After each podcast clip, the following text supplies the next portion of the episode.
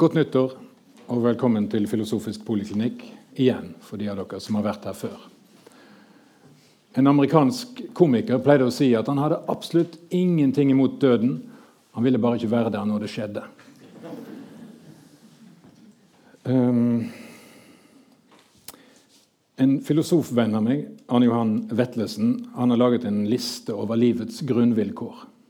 Det som alltid er rammene vi må leve innenfor. På toppen av den listen står dødelighet. Nummer to sårbarhet. Nummer tre avhengighet. Nummer fire kosmisk ensomhet. Det er bare jeg som opplever livet mitt akkurat sånn som jeg gjør. Og den femte vi er prisgitt relasjoners skjørhet. Når den listen kom opp første gangen, så var det på et seminar hvor vi hadde en amerikansk professor som gjest. Og han sa Oh, that's so negative. Typically European. Um, men listen er jo fantastisk. Uh, listen er en uh, katalog over noen av de uh, bakgrunnsfenomenene som vi alltid må forholde oss til, og som er forutsetningen for all glede. Vårens tema er å leve i dødens lys. Og Det er et veldig gammelt bilde. Jeg prøvde å finne ut akkurat hvor det kom ifra. Jeg har ikke lykkes, men, men uh, kirkefedre og mystikere og, og um, svært tenkende og søkende mennesker innenfor veldig mange religiøse tradisjoner har nok uh, tenkt sånne tanker. At døden kan fungere som et lys. Og hva er lyset? Lys betyr jo at noe blir synlig og dermed forståelig. Noe åpenbarer seg. Lys er jo det som planter trives og gror i, og de bærer frukt. Lys er på mange måter trygghet og glede. Men gir det noe egentlig så god mening at denne dødeligheten vår skal være en sånn lyskilde? I Filosofisk poliklinikk så er vi åpne for at svaret på det kan være ja. Og vi skal undersøke det gjennom denne våren, og kanskje også videre gjennom høsten. Det er mer enn fire ting å snakke om når det gjelder døden. Eh, vi har jo alle en stor egeninteresse av å undersøke dette fenomenet. Ikke, ikke, så mye tvil om at det kommer til å ramme oss. Um, og I tillegg så er det det at vi som fagfolk i helsevesenet vi har jo en forpliktelse til å kunne møte folk profesjonelt når de skal møte sin død. Og hva betyr profesjonelt i denne sammenhengen? Det betyr at vi klarer å opptre og tenke på en sånn måte at folk får tillit til oss og at de har grunn til det, som hjelpere. Men min erfaring tyder på at i møte med døden så kan det skje for ofte at leger sånn som meg, og mange andre helsefolk også, faktisk er temmelig uforberedt. Og kanskje nettopp i sin faglige rolle blir usikre, hjelpeløse, hyperaktive, får skyldfølelse og lusker vekk med halen mellom beinene som om døden var et tegn på at vi ikke gjorde jobben godt nok. På det neste møtet i dette rommet i februar, 6. februar, så skal tre leger eh, snakke om eksempler fra hverdagsmedisinen som, eh, eh, som tyder på at mange av oss ikke har så veldig lett for å håndtere døden som et lys, men mer som en type behandlingsfeil. Um, I marsmøtet så har vi invitert inn folk som elsker å kaste seg ut i løs luft fra fly og fjelltopper og andre forferdelige steder. Og Da stiller vi spørsmål om det kanskje er farlig å ta for lite risiko. At noe av dødens lys kommer i form av risiko. Uh, og så Endelig på møtet i april så skal vi gå rett på det som er en av de store elefantene i, dette, i disse samtalene om døden. Det som handler om eh, retten, eller den manglende retten, til å få hjelp til å dø når en er rammet av alvorlig, uhelbredelig sykdom og lidelse. Og Da har vi invitert en nederlandsk etiker, en kvinne med veldig lang erfaring med å stå i de konkrete avgjørelsene. Og hun vil fortelle oss noe om eh, det store bildet av erfaringer i Nederland, som har hatt eh, i praksis en legalisert tilgang til eutanasi siden 70-tallet, og hvor mange tusen mennesker hvert år får hjelp i helsevesenet til å avslutte livet. Men i kveld så skal det handle om den gode død i Norge. Om den fins, om den er mulig. Emelin Bråtane, Sebastian von Hoffaker, take your seats. Jeg har glemt å si at jeg heter Edvin Skei. Jeg er allmennlege, professor på universitetet og har ledet denne poliklinikken siden starten i 1998. Um, så nå legger jeg mine notater litt ned. Så er det jo sånn at Vi har planlagt ting og snakket om forskjellig. Um, og nå har jeg tenkt at dere først skal få bare presentere dere sjøl. Emily, du må begynne, for du er dame. ja, takk. Uh, takk for invitasjonen for å, å komme hit. Um, det er en ære, uh, absolutt. Uh, hvem er jeg? Jeg er um, lege, også sykepleier. det er snart 20 år siden jeg begynte på sykepleien, og så er det seks år siden jeg ble lege. Og så har jeg jobba litt med kirurgi. Og så har jeg de to siste åra vært kommuneoverlege og fastlege. Og, um, så er det vel kanskje Invitasjonen beror litt på at jeg har mye erfaring med Eh, å stå i dette her lyset som du beskrev, eh, som kanskje ikke alltid oppleves som lys, eh, som pårørende.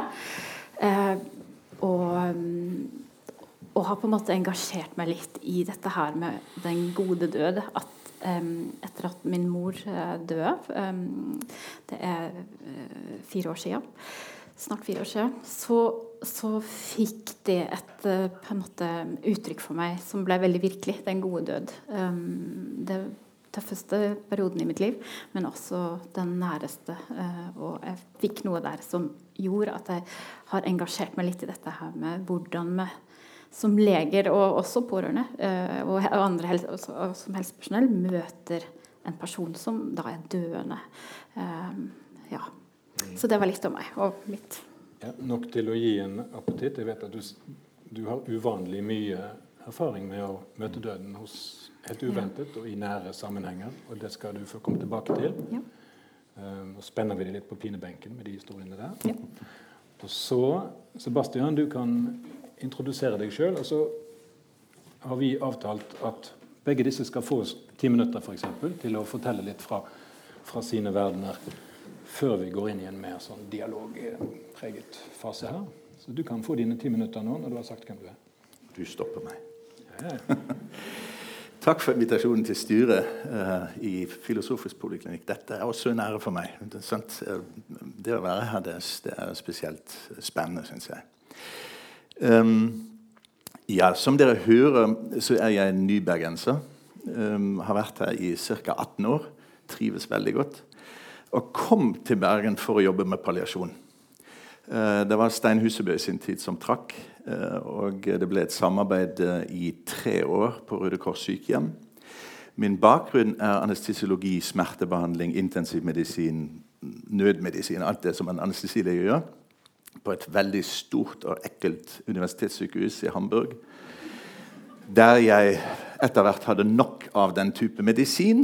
Og da jeg møtte veldig veldig syke mennesker, så tenkte jeg alltid jeg strekker ikke til med det jeg har lært. Og I møte med de syke, særlig da jeg fikk ansvar for en seksjon for smertebehandling for kreftsyke kvinner, så, eh, så merket jeg at jeg kan gjøre en stor forskjell i møte med, med den syke. Eh, fordi jeg er den jeg er, faktisk. Og det var en god opplevelse for meg som ung lege som ble flyttet rundt hele tiden og skulle bare utføre uh, oppgaver. Så ble jeg mer og mer interessert i palliativmedisin, leste mye uh, om det og snublet over, over, stein. Så ble det tre år på, på sykehjem, uh, og nå har jeg vært siden 2003 på Sunniva senter, eller nå heter det Avdeling for lindrende behandling på Haraldsplass. Et fantastisk sted å jobbe med veldig mange gode, flotte kollegaer som er her i dag òg. Mange av de. Det er kjekt. Um, å leve i dødens lys um, det, det, er altså, Du kan si Hvorfor inviterer de en, uh, en lege i filosofisk poliklinikk Jo, det kan man jo lure på. Når han jobber med døden så, eller med dødssyke, så kan det være riktig. Og så har han et tysk navn. Er tysker, da må det være orden på ting. Så han har helt sikkert peiling på dette. Og da vil jeg jo si jeg aner ikke hva døden er for noe. Jeg kan noe om det vi på tysk sier uh, das die Sterbensphase. Altså det å dø. Men jeg kan veldig lite om selve døden. Uh, jeg tror det er nesten ingen som vet mye om døden. Sant? Og det er jo nettopp der så utrolig og ufattelig mye har skjedd i religionshistorie og i religionspsykologi og um, i det hele tatt i um, menneskeheten som prøver å adressere den usikkerheten, som jeg syns er uhyre spennende. Uh, og jeg personlig er da i mitt daglige uh, på en reise til å forstå hva døden vil bety for meg. Jeg har i en annen sammenheng her på Litteraturhuset sagt at jeg ikke er redd døden, og det tror jeg jeg kan si. Um, men det er nok noen momenter ved døden som, som, er, som er, spesielle. F.eks. kan jeg dele med dere at når jeg syner et lik på, på Sunniva Senter, så går jeg alltid inn med blandede følelser. Hva er det jeg møter der? Jeg har jo som oftest kjent personen. Og Der ligger det altså et lik i sengen som jeg skal forholde meg til, som er noe helt annet enn det mennesket som jeg har møtt tidligere. Selvfølgelig er det noe helt annet. Og Det å berøre, undersøke, syne og konstatere døden er en utfordring for meg noen ganger. Jeg syns det er, kan være ubehagelig, bortimot. Men så opplever vi jo på jobb utrolig mye fantastisk også, og spennende i den fasen eh, mot døden. Eh, og det er veldig mye latter hos oss på avdelingen. Og Nå skal jeg inn i lommen min og se på mine notater. For jeg kan gjerne snakke meg bort. Um, det som jeg hadde lyst å reflektere litt rundt innledningsvis, var um, hva vi som moderne mennesker um, tenker i forhold til hva som er en god død. Du insinuerte, du antydet at veldig mange av oss eh, er opptatt av at vi kan bestemme over hvordan det skal være, hvor vi skal være, hva det skal være, hvordan det skal se ut. Og I noen samfunn er det jo kommet så langt at man har bestemt at jo, folk kan faktisk bestemme over dødstidspunktet og eh, dødssted osv. Og, uh, og det er, det er veldig viktig. Så autonomi, selvbestemmelsesretten i den livsfasen, er veldig viktig. Og Vi som jobber med syke mennesker som leger og helsearbeidere, vi må forholde oss mer og mer til ønsker, til krav og til rettigheter som finnes. Og det kan være ganske utfordrende. Jeg vil gjerne spørre dere, og da ber jeg om en hånd i været um, Hvem um, oppfatter den gode død som en død som kommer til oss når vi er mett av dage? Vil det være ok? Og er gammel? Litt lenger opp, takk. Vi er jo relativt unge, og vi har ledd å bevege. Så det kan vi veldig bra. Så de aller fleste ønsker, syns det er greit å bli eldre, ikke sant? Ja. Um, hadde det vært ok å dø hjemme? Hadde dere foretrukket å, å, ligge i deres egen seng? Hvem har lyst til det når døden kommer? Ja. Her skal jeg si det er jammen ikke lett å bli gammel og så dø en naturlig død um, hjemme. Um, jeg tror vi har snakket om det forleden dag. Hvis, hvis tallene er riktige, så er det bare 5% av oss her i denne byen som opplever det. Og Da kan vi spørre oss hvorfor. Hva er grunnen til det? Og Det skal vi kanskje diskutere litt også. Um, vi ønsker å ha kontroll vi ønsker å ha mulighet til å influere prosessen. Um, vi ønsker å være med så lenge som mulig. Uh, så hvordan er viktig.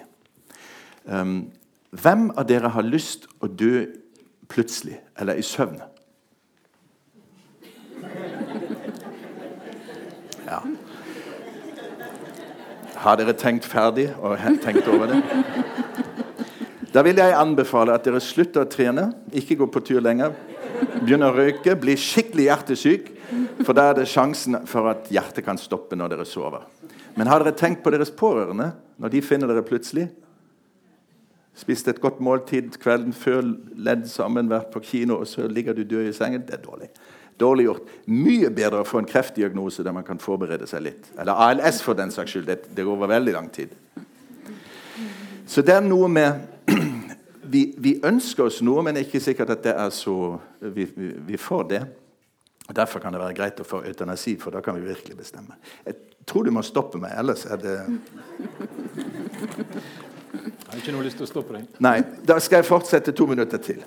Vi ønsker å være godt lindret når vi dør. Stemmer det? Ingen plager. Ingen, vi, vi, ønsker ikke å puste tungt, ikke være kvalm, ikke klø, ikke har liggesår, trykksår. Alt det som vi ser til dag, altså daglig i vårt yrke, og det vi, det vi, når vi jobber på sykehjem og på på lindrende avdelinger, på sykehus i det hele tatt. Ingenting av det vil vi. Og det er vår oppgave å lindre godt. Det er det som uh, alle krever av oss. Nå har jeg gjort meg en refleksjon. Før den moderne medisinen ble god på det uh, Morfin ble faktisk ikke uh, brukt strukturert før på 60-tallet man visste litt sånn om opium, og sånn, men, men, morfin kom egentlig skikkelig i sving i kreftbehandlingen på 60-tallet i, i, England. Um, før det skjedde, var det mye om og men og mye lidelse. Og folk var innstilte på at de måtte, måtte lide. Men med den moderne medisinen er ikke vi innstilte lenger på at vi skal lide eventuelt når døden kommer.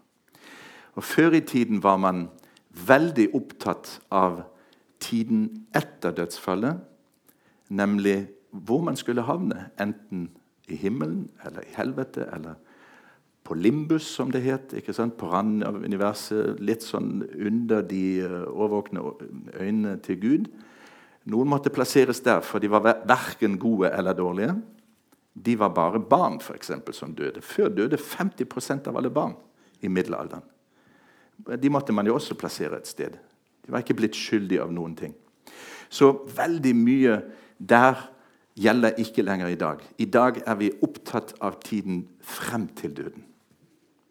Og den skal være helst fullkontrollert, autopilot, godt lindret. Medisin, men ikke for mye medisin. Gjerne naturmedisin. Ikke intensivmedisin. Jo, men vi får mye intensivmedisin. Altfor mye intensivmedisin. Så vi har en jobb å gjøre for å finne ut av hvordan det egentlig skal foregå. Um, kan du forklare forsamlingen Hvordan vil du beskrive den, det oppdraget dere har på din avdeling for palliativ medisin? Ja. Um, og, og, hvordan lø, og løser ja, dere det? Ja. Uh, oppdraget akkurat på den avdeling som vi jobber på, jeg jobber på, det er å hjelpe de som har veldig store plager. Det er spesielt syke som trenger spesialisthelsetjeneste. Men vi har, vi har en kollega her som jobber på, på sykehjem med, med, en spesialavdeling, som også har det oppdraget. Og vi har ganske lignende pasienter. De er ofte litt mer avklarte, men, men uh, hos oss kan pasienter ha veldig stor lidelse, både fysisk men ofte også komplekse psykososiale utfordringer. Og Palliativmedisin adresserer lidelse som utspiller seg i kroppen, i det psykiske, i sjelen, i eh, det sosiale, altså i det relasjonelle, og i det eksistensielle. Som har med religion, med, med spørsmål om jeget og mine relasjoner, mitt liv, min død, eh, å gjøre. Alt det her adresserer vi. Um, hvis jeg skal være gi et politisk helt riktig svar, så skal jeg si vi gjør det alltid i dialog med den som kommer til oss. Og aldri etter skjema F eller A4 eller Ikke sant? Vi hører med de som kommer til oss, hva de trenger. Første spørsmålet jeg stiller, er Hvorfor kom du til oss? Hva er det du trenger av meg? Hva er det du er redd for? Hva er det du gleder deg til? Er det noe du trenger hjelp til? Og det er nok ganske gjennomført at vi gjør. Vi får ofte et oppdrag. Vi, vi hører at utfordringen er sånn og sånn, andre har jobbet med det, ikke fått det til, eller vi skal fullføre en jobb. Men som oftest er det i tett dialog med de som, som uh, kommer til oss. Og det betyr jo at de som kommer til oss, de aller fleste kan tenke. De er kognitive, de er intakte fortsatt. ikke sant? Så man er så privilegert å komme på den avdelingen når man er fortsatt tenkende, klar, mental, uforstyrret. De som er demente eller multihandikappet, de ser vi aldri til hos oss. Hvorfor ikke? Veldig flott. Nå skal jeg avbryte deg, for Fint. det trenger du ikke. Men, men, nå fikk du malt et bilde for oss som er veldig veldig interessant og spennende. Og En ingrediens i det bildet er at du, når du møter disse menneskene som skal dø der, braser inn i deres intimsone mm. og ber de redegjøre for forskjellige ting som du ikke skal snakke om nå. Nei, Men jeg må korrigere deg med en ting. De, skal, de kommer ikke for å dø hos oss. De kommer for å leve hos oss og bli bedre på livet. Og bli støttet på livsideen og planen. Og noen forberedes på å dø, og det er 35% cirka som dør hos oss. De andre reiser hjem, eller på sykehjem, eller går på andre avdelinger. Mm. Og, og, alle er sin egen fortelling. Og alle er veldig syke. Mm -hmm. ja. Men du gjør noe med som vi skal komme tilbake igjen ja. til, fordi det er en profesjonell handling mm. som du har lært i yrket ditt, selvfølgelig gjør som deg selv, men som er nettopp en, et forhold til den andres intimsone, mm -hmm. som vi ikke ville gjort i enhver sammenheng. Spennende. Ja. Da lar vi han henge litt der. Eh, du trenger ikke å koble deg på noe av det han sa, sant? for du har forberedt uh, ditt eget innlegg. Ja, innlegg og innlegg. Uh, jeg tenkte jeg skulle fortelle litt på en måte hva som gjør uh, at jeg engasjerer meg. Um, og det er jo ganske personlig. Um, den ene delen av meg er jo helsepersonell. Og, og, hva som er Man er jo ganske Det går i ett, vil jeg si. Jeg føler meg på en måte da jeg ble pårørende til mamma som fikk kreft, eh, hun var 50 år, eh, fikk en uhelbredelig diagnose med det samme. altså Metastasene ble funnet først. Så var jeg på en måte datter, og så var jeg lege. Da var jeg turnuslege. Jeg var midt oppi alt det her og leste meg opp på alt. Og på en måte tok en, en Altså, det var en blanda tilnærming. Jeg var både helsepersonell overfor min mor, og jeg var datter. Um, så det som um, jeg har med meg da når mamma ble det, uh, Min onkel døde når jeg var 16 år. Han var 42 år og firebarnsfar. Han var sjøl sykepleier og predikant. Uh, bodde i nabohuset der jeg vokste opp. Uh, og jeg opplevde da når han døde hjemme, at var, bygda var der. det var et håp helt fram til han døde, men det var liksom man, det var et dødens liv altså Det var et lys over døden der som jeg opp, på en måte fikk med meg.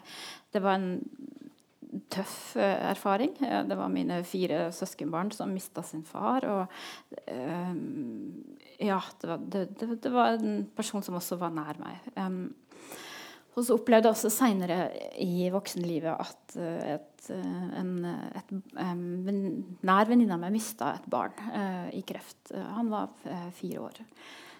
og da sto også i som, som, en støtteperson i den prosessen, og fikk på en måte også eh, se mange aspekter av det lyset som oppstår, eh, som jeg tenker som gir noe, da, selv om det er så vondt som det går an å få bli. Eh, så, så, de erfaringene, og kanskje også enda flere erfaringer, hadde jeg med meg når mamma fikk den diagnosen.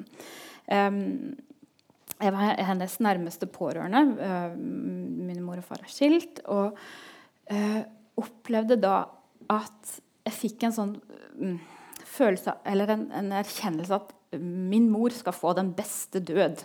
Litt sånn, sikkert veldig sånn uh, nyutdanna og litt sånn sikkert ganske Ja, men, men, på en måte jeg fikk en sånn veldig sterk uh, tanke rundt det. da. Men mamma var beintøff, og ingen trodde at hun skulle leve mer enn et halvt år. Det var i hvert fall det som de kreftlegene sa til meg på gangen. men hun levde i tre år da.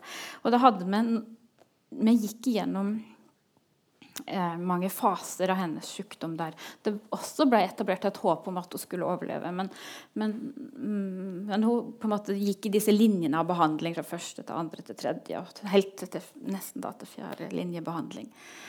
Eh, så kom jeg da til 27. mars eh, i 2014. Uh, og da eh, får hun diagnosen Venakava syndrom, som betyr at kreften har blomstra i, i, brysthula, og hun på en måte alle, altså, helse, altså oss helsepersonell vet at da har man jo ikke så lenge igjen å leve. Da pumper systemet mot alt trykk. Og det, det er ganske synlig. Um, og da blir vi sendt hjem fra Ullevål, er hennes nære, og har uh, eh, flytta nærmest til Telemark. Jeg bo, mamma bodde i Telemark, og jeg bodde i Bergen. Uh, og, og, vi dro hjem til, til bygda vår, og, og, og, da visste vi at nå skal mamma dø.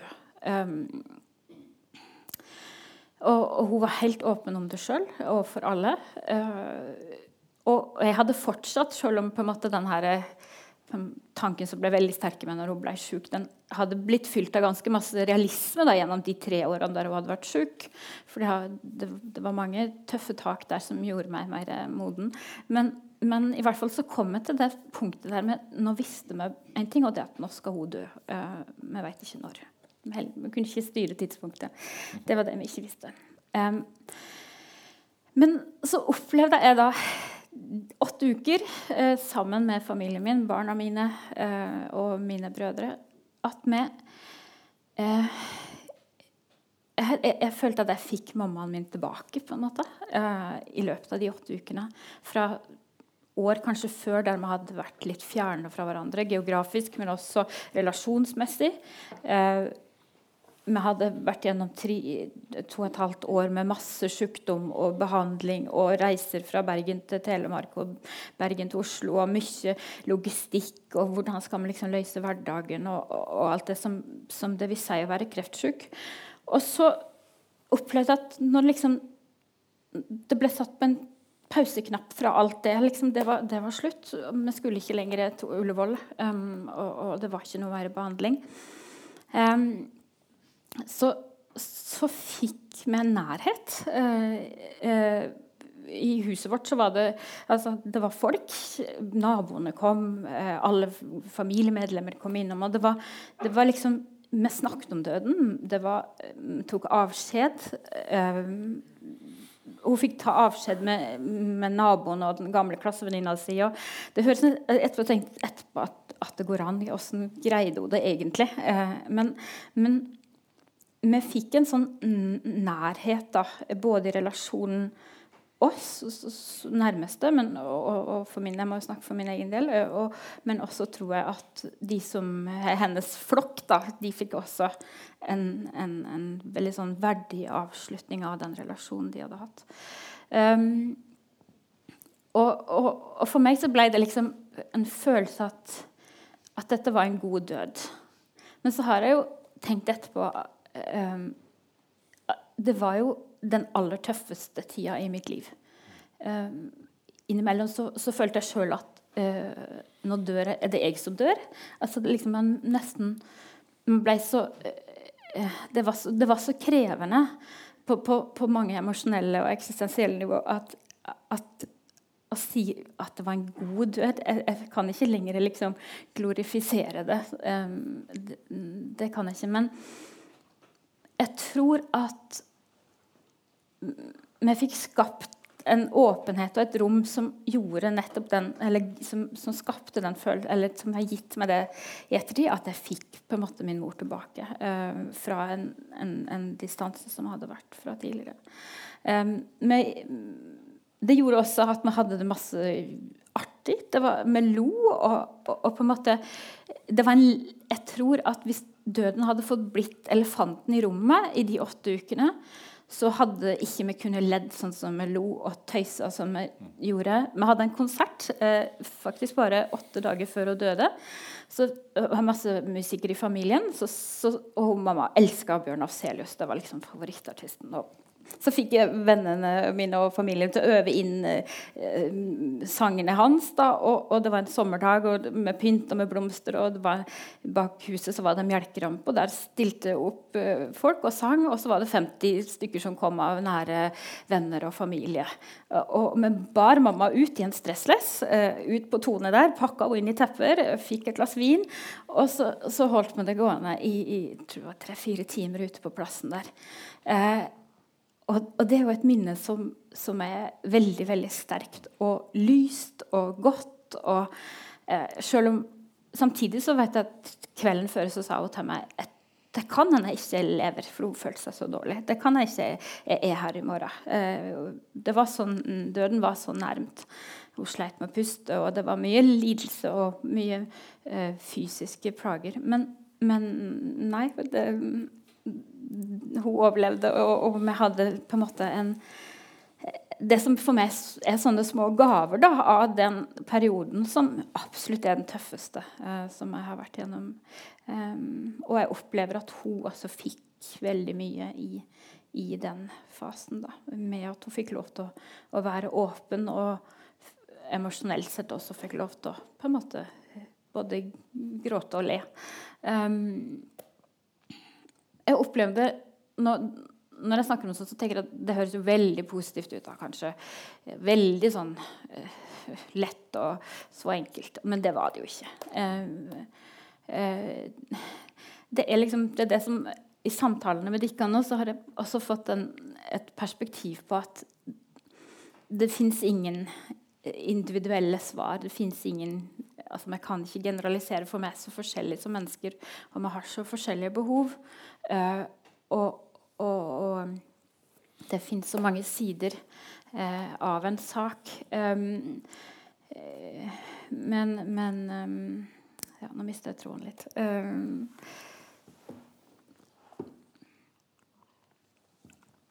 jeg tror i hvert fall at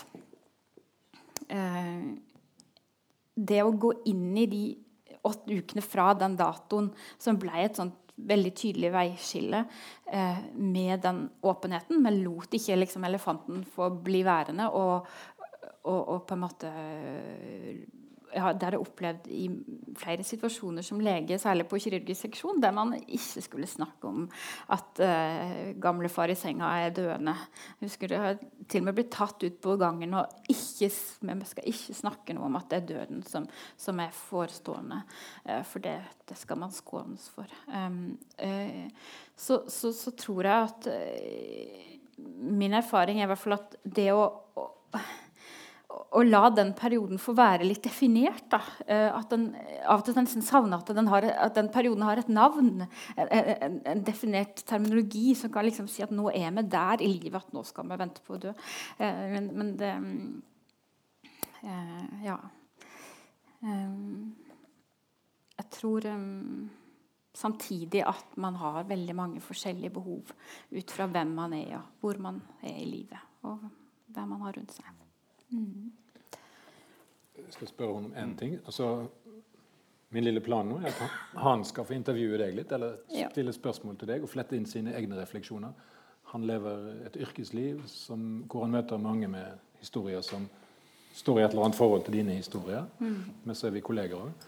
Men en ting som jeg vet du valgte å hoppe over nå, men du, jeg vil gjerne du kanskje forteller det òg. Jeg tror det var når, når, din mor var på Ullevål. Eh, det siste sykehusoppholdet mm. hvor det ble klart at nå er det slutt, mm. så var det en lege som forbarmet seg over henne. Hva skjedde da? Ja, um, da hadde vi uh, i, på en måte tidslinja Jeg, Min mor ble innlagt med det som heter ja, som syndrom. Altså da, var, da, fikk hun stråling. Så hun fikk noe lindrende behandling i noen ja, knappe to uker der. Og så dro vi hjem, og så kom vi tilbake en, for en kontroll. Eh, det var det siste møtet med Ullevål sykehus. da, det ble det. Men det som skjedde da, det var at vi i løpet av de ukene der hun fikk stråling på Ullevål Mine brødre var der, jeg var der, og mine barn var der. Eh, vi var i en krise fordi at mamma skulle dø. Eh, mamma hadde vondt for å puste. Det var, eh, det var, det var på en måte det var da det gikk opp for meg at hun skulle dø. Og brødrene mine selv om jeg hadde visst om dette her nå i nesten tre år, at hun hadde en dødelig eller uhelbredelig kreftdiagnose, så, så, var det liksom et veldig markert punktum. Um, så vi gikk jo gjennom en krise, på en måte. altså Vi gråt masse. Uh, vi hadde mange tunge samtaler. Uh, både om Hun satte oss ned, alle barna, og sa at nå skal vi snakke om begravelsen min. Uh, og det å sitte der og gjøre det kjennes det er veldig krevende. Eh, det er veldig sårt. Eh, men samtidig så opplevde vi jo den nærheten som, som, som var så uendelig god. Da, at vi på en måte fikk, fikk, snakke om det. Og så var det vondt, men så var det likevel eh, nær, så nært. Eh, og så dro vi hjem litt lettere. på en måte. Da var det liksom over den verste krisa. Nå var det sånn. Hun skulle dø. Eh, brødrene mine som er yngre enn meg, de var også liksom OK, nå, nå, nå må vi liksom vi må komme oss igjennom dette her. Um, og, og min, mor, min, mor, var trilling, så hun har to veldig nære søsken også. Eh, så, så, så, så, de også liksom var en, Flokken til mamma var liksom nå, nå, skal vi greie dette her. Men så dro vi tilbake på en kontroll. Og så kommer det da en kreftlege og så sier han til mamma um, vi har en behandling til. som en sånn spesialbehandling. Det er altså en sånn eh, mTOR-hemmer. Altså en sånn eh, eksperimentell behandling. Eh, og, og, la dette her fram for henne på den kontrollen. Jeg, jeg ble så satt ut sjøl at jeg måtte faktisk gå ut fra rommet og, og Jeg gikk ordentlig i kjelleren. Jeg kjente bare Jeg orker ikke skal vi gjennom disse ukene en gang til? Skal vi måtte snakke om begravelsen en gang til? Kan vi ikke liksom få lov til å, å liksom, og det, det, høres litt forferdelig ut å si det sånn, men det kjennes så veldig sånn at noen um, Og for henne så var det også Hun ble stilt overfor et veldig sånn skal jeg nå ta det håpet der, at jeg nå skal få en ny, kanskje et nytt halvt år, eller kanskje enda et år? og så, eh, så, så, så det ble jo på en måte en veldig sånn vanskelig situasjon. Jeg skjulte jo selvfølgelig for henne at jeg reagerte sånn, men hun leste meg selvfølgelig veldig godt. Eh, man var nok ganske transparent på den tida der. Så, så, kjørte jeg henne hjem fra Oslo til Telemark, der, der hun bodde da. Eh, og, og vi snakka ikke så veldig i løpet av den turen. Det var en ganske sånn lada tur. Jeg tror vi men så kom hun hjem og så sa hun til meg at, at hun bestemte seg for at hun ikke ville ha den behandlingen.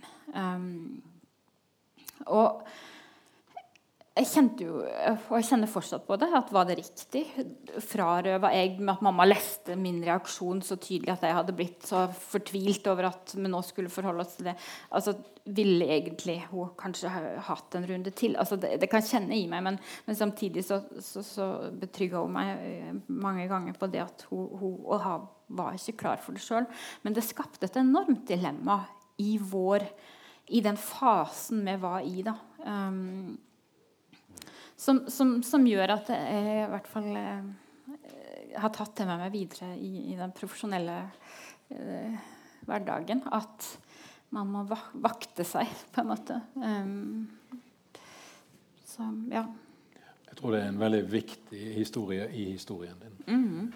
Uh, det er mye som kan tenkes rundt det. Mm. Forskjellige ting. Mm. Um, og den gode hensikt, og, ja, og, hva som skjer rundt den. Sånn. Men nå kan uh, Sebastian ordet ditt. Uh, kanskje du vil snakke med Emilin mm. om et eller annet? Jeg er spent på hva det blir. ja, takk for, for din åpenhet rundt din personlige historie, som du deler med oss. Det jeg interesserer meg for, er at du, du forteller veldig mye om uh, det som skjedde i det relasjonelle rommet. Og det, viktigheten av å være samlet, viktigheten av å være en flokk. Uh, viktigheten av å forstå situasjonen, forstå hverandre, være enig rundt ting. Og uh, altså det som, uh, det som går på en, nesten en dødsforståelse. En forståelse for situasjonen. Kjempeviktig. Um, det krever jo at folk kan snakke. Både med hverandre Og på egen hånd. Tenke, reflektere, si noe, ha noe forhold til det. Det som, det som jeg har, reflekterer eh, mer og mer over, er egentlig hvor fattig vårt samfunn våre moderne samfunn. Og da dekker jeg jo med min altså, historie to land, i alle fall. Um, hvor fattige vi kan bli i forhold til ritualer rundt, rundt uh, den livsfasen. Vi har masse ritualer i forhold til fødsler, f.eks. Mm. Altså sånne showerparty og masse rare ting. Og, og gleder oss voldsomt. Men her er det, her er det en, en, ordløshet ofte, og vi vet egentlig ikke hvordan vi skal forberede oss sammen. Det er helt annerledes i andre kulturer. ikke sant? Der, der flokken egentlig er rundt saken. Og der ikke den enkelte må befinne seg i autonomiens ensomhet for den syke skal jo vi høre hele tiden. Hva vil du? Sånn? Hvordan kan jeg vite hva jeg vil? Eh, jeg må jo nødvendigvis forholde meg til det familien vil, kanskje. Sant? Tenker moren din. Hva vil Emily nå? Sant? Jeg tror det er noe som er undervurdert i dag. Um, og vi trener vel stort sett ikke på å snakke om døden veldig mye. Så vi har egentlig ikke noe ordforråd for det. Og så kommer vi på en palliativ avdeling eller i helsevesenet, og så blir vi oppfordret til å snakke mye om det. Og det kan være vanskelig for mange. Men åpenbart, du sier dere fikk det til, og det var viktig. Jeg erfarer nok Møter nok mennesker som ikke klarer det. Og de strever i den settingen som vi, vi har lagt liksom, for dem. Og det er jo i dag ikke bare um, den syke som vi fokuserer på, men vi fokuserer veldig mye på ivaretakelse av de pårørende, av barn. Det finnes egne lover om, eller regler for barn som pårørende. Og de skal helst være involverte, de skal være informerte på sin måte. Um, så det er veldig mye som skjer rundt den døde, som krever egentlig at den døde er med på, den døende er med på, på ferden ganske krevende øvelse når man ikke har så mye øvelse på det. Um, og vi helsearbeidere vi, vi, lærer mer og mer hvordan vi skal gjøre det, og hva som er en god måte. Men vi hører fortsatt av våre pasienter at det er fryktelig mange som ikke kan og vil, og at det er for travelt. Og det krever jo tid, og det har du helt sikkert et forhold til. Sant? Mm. Hvor viktig tiden blir når sykdom rammer. Fortell oss litt om det. Jo, for noen kan det jo kanskje bare være snakk om noen dager. Mm. Kanskje man bare har en, en uke eller to um, der man har den erkjennelsen. Um, jeg tror jo det at man har et så moderne uh, behandlingstilbud som man har i dag, gjør at tidspunktet for erkjennelsen at nå skal døden snart inntre, den blir skyvd lenger og lenger mm. mot det tidspunktet. Um, og det skal jo filosofisk politikk ta opp videre også, det med på en måte behandlingstilnærmingen som, som kan frarøve tiden, da. Mm. Uh, og, og, um, og, jeg tror Jo, tid er absolutt et, et fak, en faktor, men jeg tror også språk. Altså at man ikke har et språk for dette her. Um, man har jo det, men, men det er det krever noen sjumilssteg å, å, sette ord på det. Uh, og, og, på en måte Kanskje sånn som, sånn som, jeg opplevde med min mor, at det var veldig, det første hun liksom ville gjøre, var å snakke om begravelsen. Men det var kanskje fordi at det var håndfast, det var konkret. Det var liksom, eh, for da definerte det noe at nå, hennes erkjennelse at nå, nå skal jeg dø. Så, sånn hun, hun, var veldig sånn hun ville ikke, Det var ikke at hun skulle bestemme begravelsen sin, men det var liksom én sang hun gjerne ville ha. Da. Det var mm. litt sånn. så, så, uh, men på en måte Det å fra å liksom få beskjeden om at nå har vi ikke noe mer å tilby deg, til at den som skal dø, erkjenner at den skal dø, den tror jeg er veldig individuell. For noen tror jeg nesten kanskje den aldri kommer, fordi at man ikke tør og ikke er forberedt og ikke har Eh,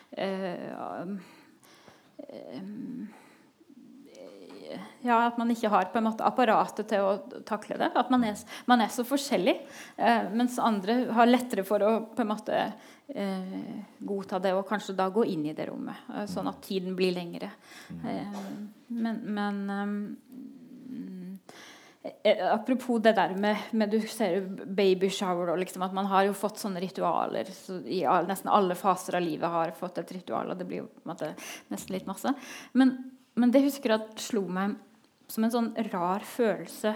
Eh, for jeg tok jo fri fra, fra jobben min på Haukeland eh, og, og, hadde pleiepermisjon og var i Telemark, og mine barn var der. og, og, og liksom av og til så, så Jeg har to barn. og så fikk jeg den følelsen at uh, dette her er akkurat som den tida når jeg venta på at jeg skulle føde barn. Altså, det var en eller annen sånn uh, følelse av eksistensielt tidspunkt i livet som, som handla om noe En forventning. Ja, en forventning, ja. Mm. Uh, og det var jo ingen, det, det, det var jo ingen ritualer knytta til det, på en måte. Men um, jeg tror kanskje jeg forstår mer hvorfor man søker mot ritualer. da, fordi at det blir litt sånn Dere lagde jo et ritual, egentlig, sant? Dere med konserten? Ja da, vi gjorde jo, lagde jo vårt mm. eget ritual, på en måte. Mm. Um, og det var åpenbart viktig i den fasen for deres familie? Ja. ja. ja. Men så har jeg ofte tenkt kunne man, kan, kan, man bruke, kan man eh, etablere verktøy for å liksom være med på å lage en sånn definert Eh, forståelse at nå er den tiden kommet. Altså sånn som Man jo verk, har jo disse palliative verktøyene, eh, eh, skjemaer og sånne ting som, som, blir veldig definerende. at nå skal man dø. Men det er så nærme dødstidspunkt. Men kunne man eh, på en måte ha en form for eh, definerte verktøy for å si at nå er, nå er man i den døende tida. Um, nå er man i dette lyset, da, på en måte. Um, Eh,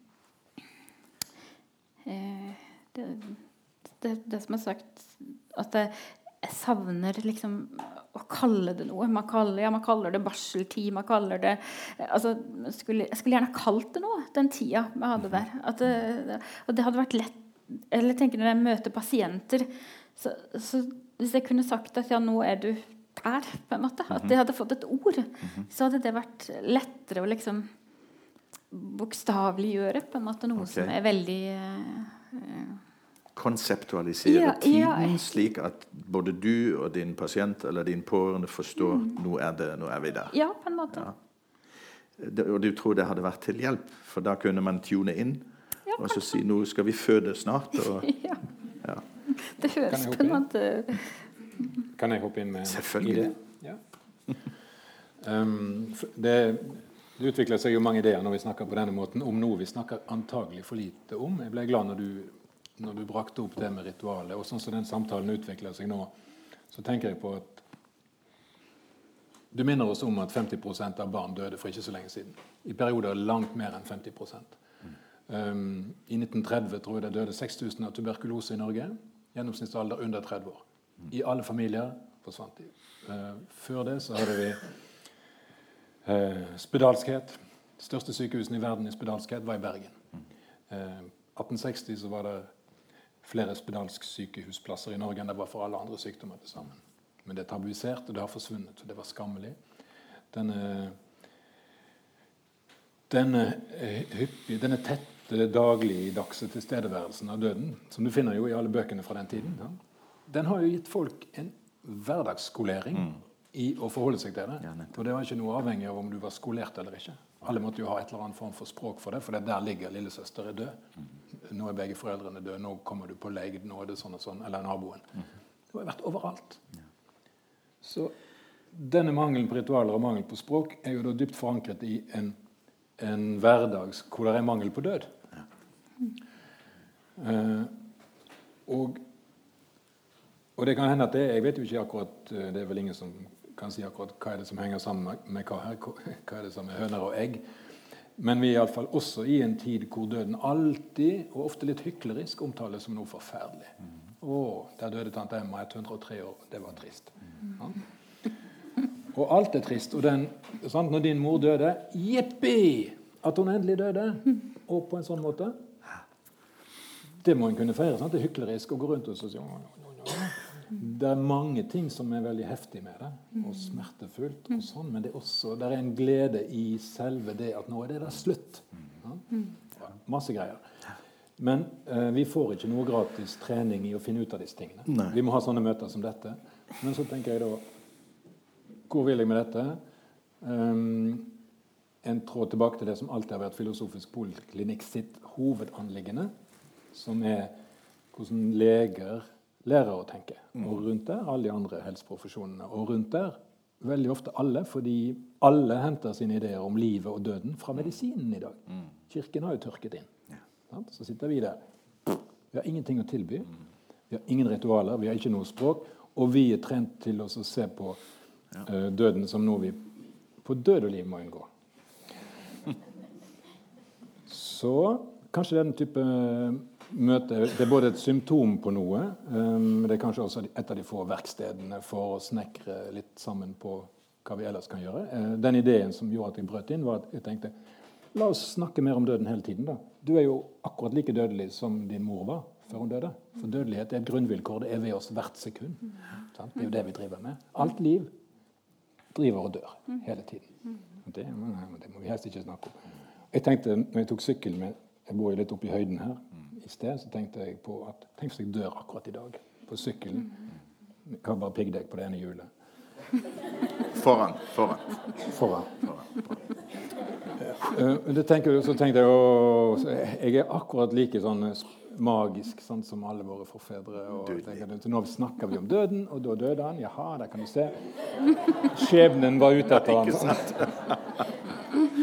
Så vi er jo redd. Altså, vi har sånne der eh, gut feeling som gjør at vi er temmelig redd for å eller, ja. Ja, hvorfor er vi egentlig redd for? Hva er det der med dødsangst? Ja, Det er jo du som må vite det. Ja. Skal vi slippe salen til? Ja, Noen konsulenter der. Veldig fort. Men uh, ok, nå, nå, nå la jeg opp en, en stor idé om dette. Skal vi snakke mer om døden alle sammen? Altså forandringsforslag. Har dere noen eh, ideer dere kan eh, løfte frem for oss før vi slipper alle de andre til? En eller to, vær så god. Litt usikker hvor, det, hvor, det vil, hvor, du, hvor du vil hen Ja, du, eh, fortsatt. jeg tror men- du er litt av en misjonær, Sebastian. Du har sikkert noe Ah, sånn, ja. misjonstanke. Noe igjen. Nei, altså vi, du, du, du, du, snakket om eh, det, det medisinske språket og det vi, det vi lærer som leger. og Der får vi jo veldig god hjelp i, i Norge. Vi har etiske retningslinjer. Sant? Vi forholder oss altså internasjonalt i medisinsk etikk til gode verdier som vi skal balansere. og sånn. For det er jo mange, mange dilemmaer som vi skal forholde oss til i den siste fasen. ikke sant? Etiske dilemmaer, beslutninger vi må ta. Uh, den moderne medisin, Et eksempel, f.eks. Vi, vi, har, eh, vi har i dag mulighet til å holde folk i live som hadde vært døde for flere år siden. Ikke sant? Altså det, det er helt fantastisk hva den moderne medisinen klarer. Intensiv medisin, men også hjemmeintensivmedisin. medisin. Hjemmerespiratorbehandling, f.eks. For, eksempel, for alvorlige lungesyke eller muskelsyke. De kan leve i ti år med hjelp av maskiner og, og støtte. Og da, da kommer man jo etter hvert i et landskap som er aldeles komplisert. For det koster veldig mye penger. Så der er vi plutselig i et eh, prioriterings, i en debatt som, som handler om hvor mye penger skal vi bruke. Sant? Og så er det en som er godt vant til det der reduserte livet, og så sier jeg har veldig god livskvalitet. Du ikke, trenger ikke komme her og komme her. Du trenger ikke spørre meg om hvordan jeg har det. Jeg har det kjempebra. For jeg har jo tolv pleiere rundt meg. De hopper rundt hele tiden. Koster ti millioner i år, men det gjør ingenting. Staten betaler. Tusen takk, Norge. Jeg vil leve. Store, store ting som vi trenger å diskutere, eh, og som kanskje blir for lite diskutert. Men vi, vi har eh, og da, Når man setter ord på nettopp disse tingene, så kan det bli politisk ukorrekt. Sant? For vi har jo så mye vi, vi, vi skal eh, Vi kan mye, og alt vi kan, skal vi bruke. Og ressursmangel har vi aldeles ikke. Vi må ikke finne på å stoppe pumpe olje opp. Sant? Det er vi også enige om. Så det er mange ting som, som, eh, som ikke henger på greip, egentlig, hvis man tenker litt gjennom der. Så det syns jeg personlig er mer og mer spennende.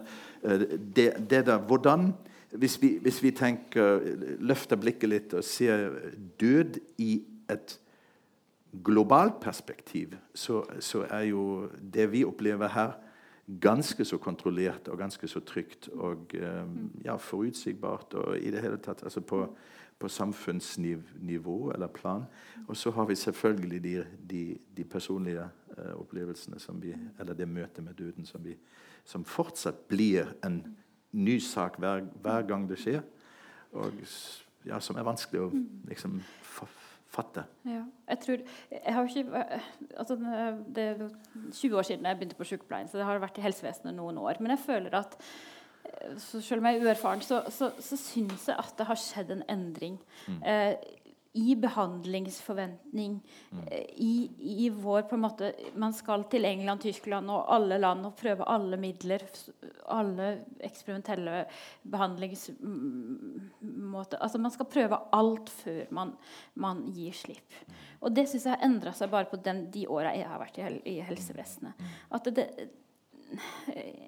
og, man skal kjøpe seg, man skal ut på det private markedet. og, og man skal liksom eh, det, man, man, rygger ut av dette her for alt man kan, føler jeg egentlig. Altså man, man, bruker alle midler for, for, å på en måte unngå uh, dette her eh, endepunktet som vi lever med hver dag. altså Vi skal det. Det, det er premisset for at vi lever. Um, så, så, men det vår tids uh, overflod da, gjør at vi liksom har vi har fått en, en, vei ut av det, nesten. da. Uh, og til det ekstreme, som du sier. Altså, man har jo nesten på en måte nå mulighet til å holde folk i live uh, til det helt unaturlige. Jo, målsettingen er jo helt klart at vi skal leve evig. Sant? Hvis vi Google, Google, forsker på det. Og de klarer det helt sikkert snart. Jeg har lest nettopp uh, interessante tall. Hvis vi klarte å, å bli kvitt alle kreftformer, så hadde vi økt Nei, jeg må, jeg må begynne annerledes. På slutten av 1800-tallet var den gjennomsnittlige leve, levealderen eh, 50 år. Den har økt med 65% frem til nå. Nå blir vi 84, dere kvinner. Og vi blir i gjennomsnittet 81. 80,9. Og det øker hver måned, kan, man, kan de måle det. Det er helt utrolig. Og det har med disse livsvilkårene våre å gjøre. Sant? Det når vi var babyer. Hva? Det, hvordan vi hadde det når vi var baby, betyr veldig mye ja, for deg. Veldig mye for, ja. Så, før, altså Barnedødelighet finnes jo nesten ikke lenger i Norge. Um, den hygienske revolusjonen, den første medisinske revolusjonen, den gjorde en, et stort hopp for, for levealderen. Og så kom det sånn Rundt 1960 var det den medisinske revolusjonen. på en måte Man kunne plutselig behandle sykdom, og så ble vi voksne holdt i live, og ble, vi ble mye mer friske. Og nå er det de gamle som vi egentlig må holde litt i live. Og, og, forkorte den tiden med, med, som vi kaller den døende tiden. Um, um, hva skulle jeg egentlig si? Mistet litt tråden nå. Um, ja, jeg har mistet tråden. Men det Leve evig. Ja, det var stikkordet. Um, hvis man kunne kontrollere kreft, alle kreftformer, kunne man plusse tre år cirka, på levealderen gjennomsnittlig. Hvis man kan kontrollere alle hjertesykdommer, som jo fortsatt er hjertekar, fortsatt er det en hovedutfordring i altså De fleste av oss dør av hjerte-karsykdommer. Så kunne man plusset ca. fem år på levetiden. Men så blir det vanskelig. Sant? Da nærmer vi oss 90. Og eh, mye eldre enn 90 klarer vi åpenbart ikke å bli, med mindre noen mekker litt med vår DNA. Og det prøver de å gjøre. Så ja 90 er jo egentlig altfor kort, syns jeg.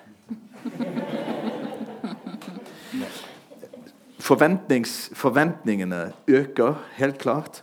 Jeg kunne delt en historie fra min siste vakthelg, der jeg jobbet kun med å Egentlig, Vi kaller det litt sånn, vi kaller det av og til for å lande en familie som er i krise og opprør. og Der en dødssyk pasient reiser til eh, en annen by, i, en større by i, i Norge for å få en uh, dyr behandling som ikke er godkjent i det offentlige, kjøper seg den dyre behandling og uh, må forandre bilen for å kjøre over fjellet. og Det er helt utrolig. Og hun dør fire dager etter hun kommer til oss.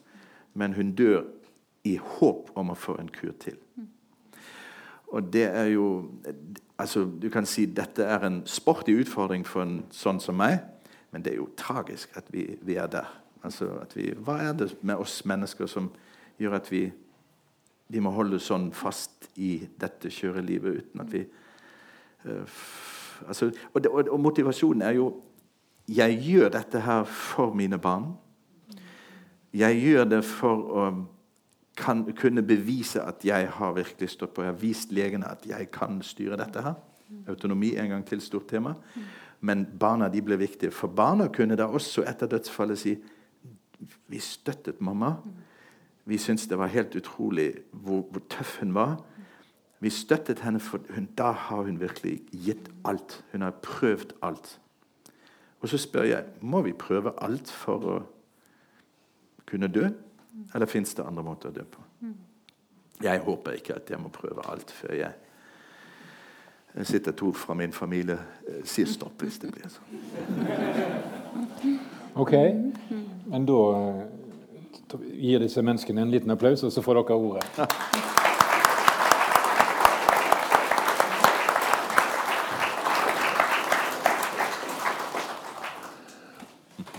Og Da er det Barber som er student i Filosofisk poliklinikk. Han skal løpe rundt med den mikrofonen, og så får vi høre en eller to spørsmål, kommentarer, vitnesbyrd fra, fra dere i salen. Temaet går jo helt klart i veldig mange retninger. Og så si litt hvem du er først. Hei, jeg heter Monica. Jeg jobber som forsker på Haukeland. Jeg jobber med kliniske studier. Jeg er ikke kliniker, så jeg treffer sjelden pasienter. Jeg syns dette var kjempespennende. Er du lege? Nei, jeg har doktorgrad i biomedisin. Um, men jeg syns jo på en måte det som du reflekterte rundt der, var Altså det tilbudet din mor fikk, selv om jeg ikke er kliniker sjøl, så er jeg liksom i bransjen som skaper dette falske håpet. da. Og jeg er litt interessert i det når en snakker om um, den gode død, så forbinder det på en måte med en aksept, sånn som dere har snakka om. Um, og det er veldig mange som dør uten å ha den aksepten.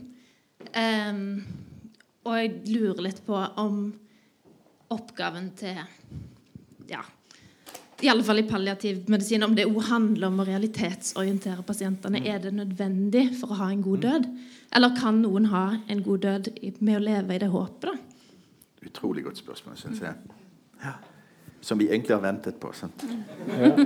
Hele kvelden. Og som jeg prøvde å få svar på når vi forberedte dette her òg, men du svarer aldri helt klart på det. Synes jeg. Nei, det er sant.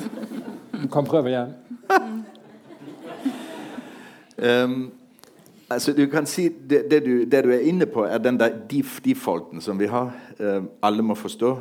Og, bør, og, det er noen som kaller, kaller, den type holdning for narrativisering av døden. At vi, vi trenger å snakke om det. Du må jo jammen forstå at du skal dø. Um, jeg tror det går fint an å dø uten at man skjønner det. Ikke sant? Altså det, å dø en, dø en god død, det, det, går, det går, an. Um, det er nok vanskelig når du har folk rundt deg.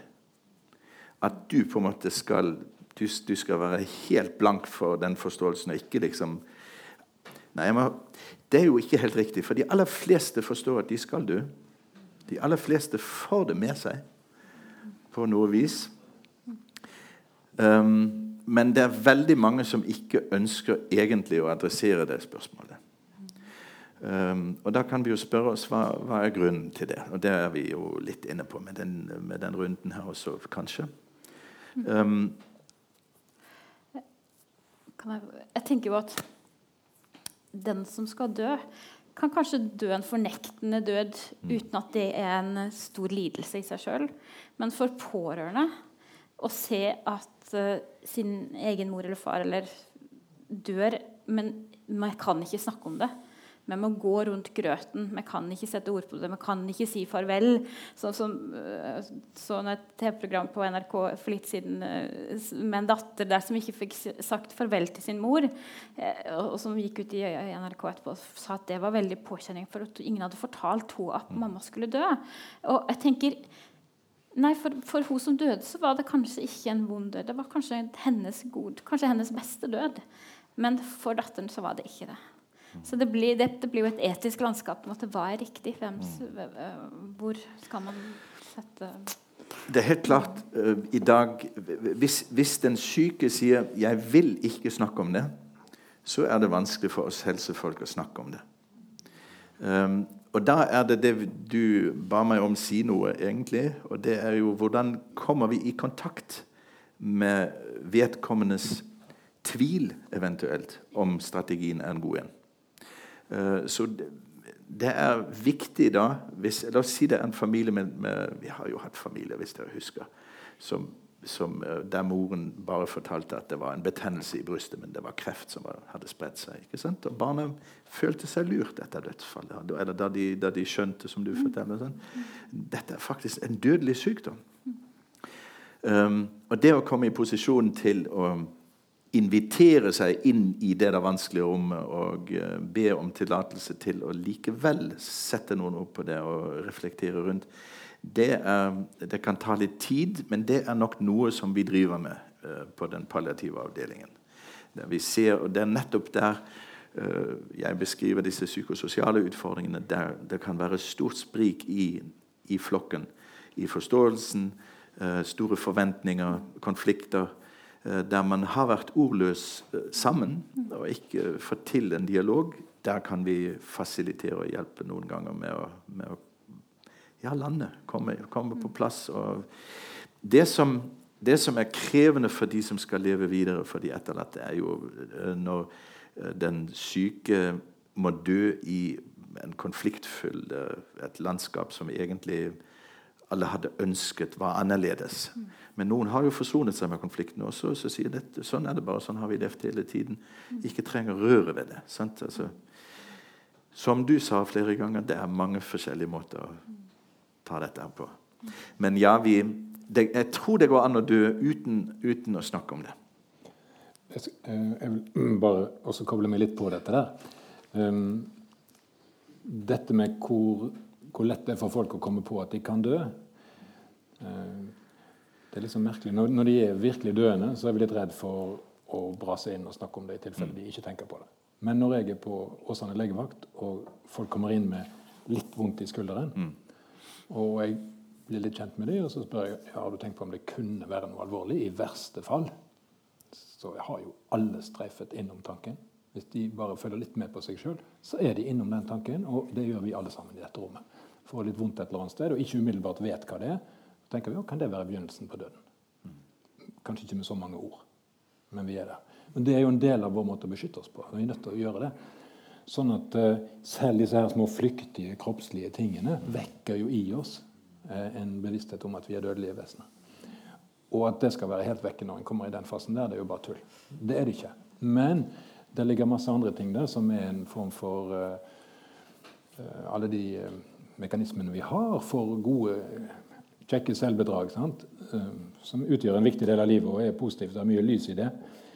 Men jeg har en historie som lege som er å brase inn og, og, på en måte knekke et sånt selvbedrag. Og Jeg har lyst til å fortelle den fordi jeg hører jo at vi hele tiden får frem et bilde av døden som sjelden angår bare den som skal dø, og veldig ofte angår andre i langt større grad. Mm. Og det er jo kanskje der vi må forankre litt en, en form for etikk her, da. Vi som profesjonelle, og, og kanskje en type moralske tommelfingerregler for hverandre som privatmennesker og i familiene. Men, men vi kan kanskje synliggjøre det med den, den, historien der. For mange år siden en relativt ung kvinne som kom fra Høkland med brev fra sykehuslegene om at eh, damen hadde vært eh, kreftbehandlet, hadde fått beskjed om at det var helbredet, kom inn igjen med spredning. Og de møtte bare en blank benektelse hos henne. Uh, hun, de klarte ikke å få en samtale hvor hun tok imot beskjeden om at det var sånn. Hun, bare, hun var utlending og brukte nok det litt. Men liksom sånn Nei, men dere sa jeg var helbredet, så det er greit. Uh, så fikk jeg brev fra sykehuset, og da sa de at uh, de håper fastlegen kan bidra til å gjøre denne pasienten innforstått med at hun er på vei mot en død om ikke så lang tid. og hun hadde tre barn. Og hun var alenemor for. Og Det var det som ga meg på en måte brekkstangen til å tenke ok, selv om hun er autonom, og sånn og sånn, så skal jeg prøve å, å, å smelle opp det der forsvaret hennes. Uh, og laget en samtale hvor, vi, hvor, hun kom inn med tolk. Uh, og sa veldig tydelig at jeg vil bare ha medisiner, sykemelding, og vi trenger ikke snakke om noe annet. Jeg har det fint. Og litt uti der så spurte jeg også ja, hvordan er det med, med, ungene dine. Du har uh, noen døtre og sånn og sånn. Den yngste heter sånn og sånn. Ja da, og Da ble hun litt sånn glad vi snakket om barna hennes. Og så var jeg veldig brutal. Så sa jeg har, hun, har disse ungene dine noen uh, venner eller noen de kjenner godt, noen voksne som kan ta vare, på dem hvis du ikke lenger er her? Da sprakk alt. Ja. Hun reiste seg og gikk på gulvet og ulte. Og tolken hadde det ikke noe godt. Ikke jeg heller, for så vidt. Men jeg hadde ikke dårlig samvittighet, for det var det jeg håpet skulle skje. Og når hun hadde fått reagert ferdig, så satte hun seg ned, og det kom eh, et slags lys i øynene hennes. Eh, hun begynte å tenke litt høyt, og hun takket meg i hånden før hun gikk. Og jeg gikk på sykebesøk der til hun døde, og de hadde det ok. Ja, så det er en happy, happy, sånn, eh, happy end-historie. Men jeg tror den inneholder dette her, Den inneholder noe av forpliktelsen og mandatet vårt, og at vi må forvalte det i situasjoner som ikke har enkle svar eller enkle åpninger. Det er fint at du, du forteller den historien, at jeg slapp. For det, vi, det, er sånn vi jobber hele tiden.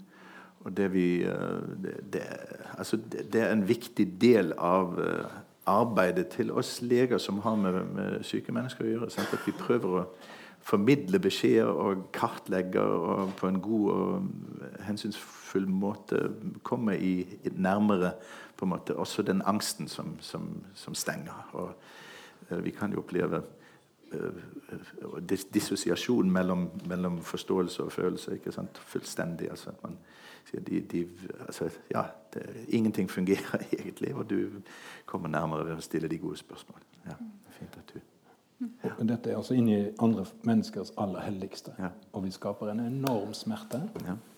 Og vi må ikke bli nummen for det. Nei.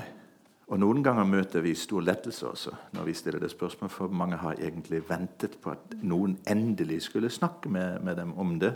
Og de har jo visst det lenge. Eller noen som kommer gang på gang inn på sykehuset for behandling på en intensivavdeling og aldri blir spurt vil du egentlig dette her. Sant? Og så kommer, møter de plutselig en som spør hva har du tenkt om det her. Og så sier de nei, jeg tror det er nok nå. Sant? Altså, det å åpne opp på en forsiktig måte og noen ganger gå litt over en grense og så, så heller uh, be om unnskyldning eller, eller ro tilbake, det er viktig. Jeg har en gang i mottaket på Haraldsplass fått inn en veldig gammel syk dame. Mm. ringte til de pårørende for å høre om, om, om, det var veldig viktig å gi henne behandling. Og ble neste dag halt opp på kontoret til overlegen. Mm. Så det er ikke alltid så enkelt. Nei. Hva het overlegen? Han, han, Det var ikke han som var ekkel. Nei. Det var de pårørende oh, ja. som var Ja, ja, ikke sant. Ja, ja nei, men vi Nei, når legen blir redd, blir det vanskelig. Ikke sant? Når vi blir redde Vi er jo redde hele tiden. Ja, nei, ja, jo, ja. Ikke du. Nei. Noen ganger. Men, men, jeg merker når jeg blir redd de pårørende, så kan jeg ikke gjøre en god jobb. Og det jobber jeg veldig mye med, å, å få en trygghet overfor min Altså en forståelse for min redsel og min usikkerhet i møte med kritiske pårørende som kan kreve uhorvelig mye av meg. Eh, det å, det å liksom finne den rette både tonen og kroppsholdning og i det hele tatt uh, uh, dialog uh, og håpet på at man lykkes med det man, man får frem og, og, dialogiserer rundt. Men noen ganger går det ikke, og da, da er det vanskelig. Da blir det vanskelig. Er det flere Mitt navn er Karoline Engen. Jeg er lege og stipendiat i hematologi og styremedlem i Filosofisk poliklinikk. Tusen takk for en veldig interessant eh, samtale. En av de tingene som jeg føler har kommet fram, er at eh, mye av forutsetningene for en god død legges i eh, skjæringspunktet mellom det å være individ og det å leve i et samfunn. Dette med forventninger. Et av de sterkeste diktene jeg vet er skrevet av uh, Dylan Thomas, som han skrev til sin døende far. Og en av uh, de setningene som blir repetert i det diktet, er 'Rage against the dying of the light'. Og det handler om Dylan Thomas' oppfordring til sin far om å holde fast i livet. Og jeg tenker den, En av de tingene dere har prøvd å belyse, eh, er hvor forskjellig vi er når vi møter døden, og et behov for noen mennesker i å holde fast i et håp om at vi skal overleve. Og jeg tenker Noe av utfordringen ligger i det å ha respekt for at vi er forskjellige som individer, men at vi som samfunn likevel må ha en forståelse for at livet har en slutt, og at vi ikke institusjonaliserer og systematiserer en jakt på et evig liv og at vi bruker ressurser på en måte som går på bekostning av andre ting.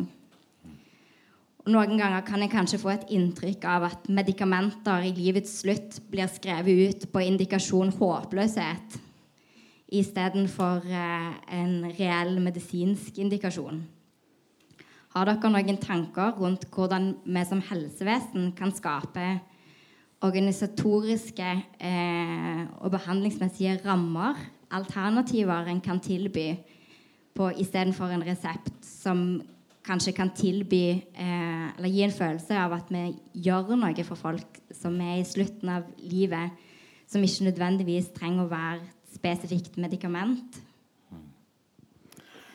Um, jeg tenker at det handler Mye av det man snakker om her, handler om å mobilisere eh, flokken, på en måte. For det, det ikke-medikamentelle det handler, tenker jeg, det handler veldig mye om det relasjonelle.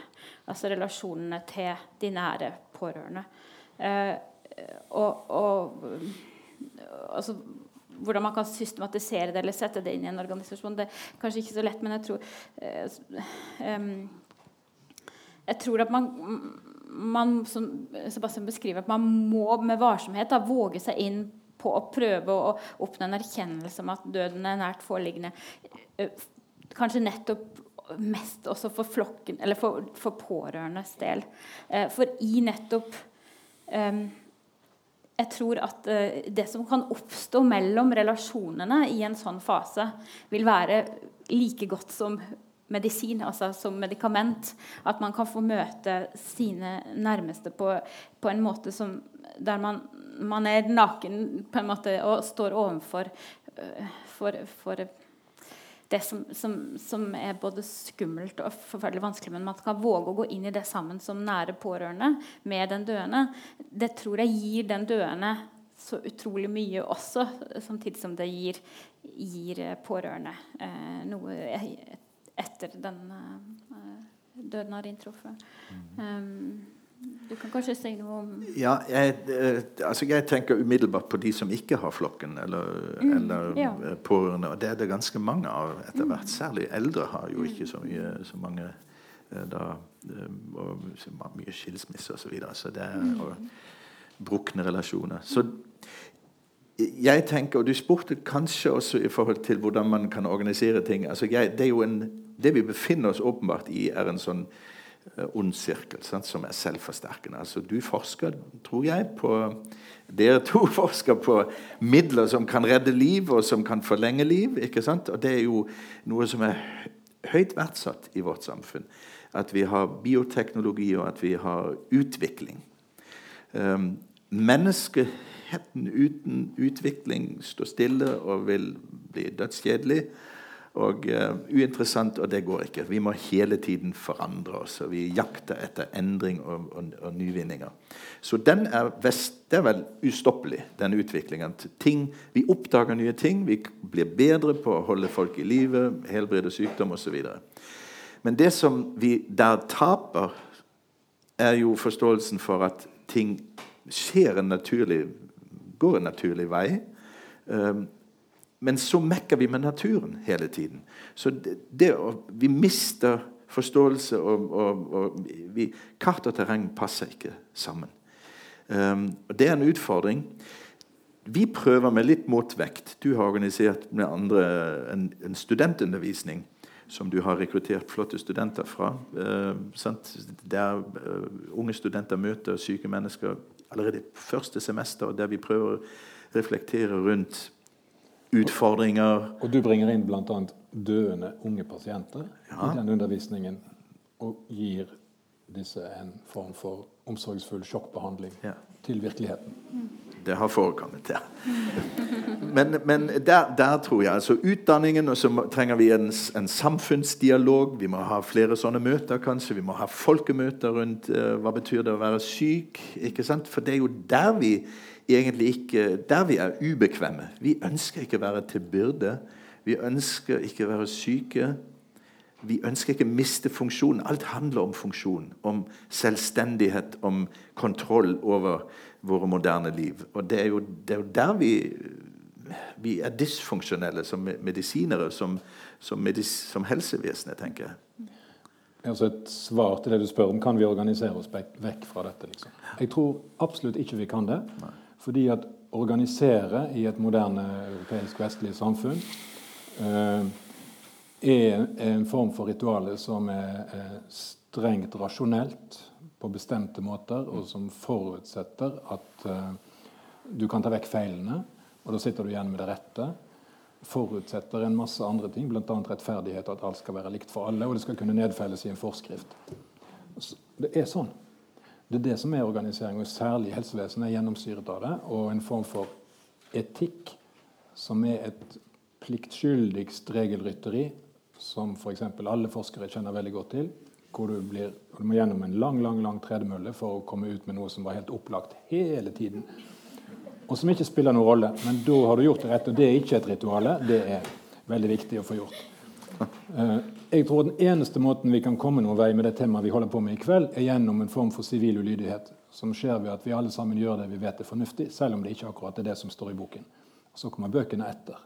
Og de som får litt sånn, det skjer ingenting mer. Det går helt fint. Sant? Så vi må hjelpe hverandre, være modige og bruke dis disse anledningene. Ikke gå i lovboken for å finne ut hva som er rett. Den er jo foreldet. Den har ikke peiling på den situasjonen vi nå snakker i. Sant? Som vi har levd i de siste 20-30 årene. Så må vi være sivile ulydige. Gjerne spørre noen, gjerne være litt redd når det skjer, sånn at vi ikke driter oss ut. For når vi er sivilt ulydige, så må vi gjøre veldig fornuftige ting. Da drar vi verden fremover. Ikke, ikke gjøre toskete ting som er kriminelle. Bare veldig lure og kloke og gode ting. Altså, jeg, tror, jeg, jeg tror at noen trenger også morfinen og, og, og medikamentene.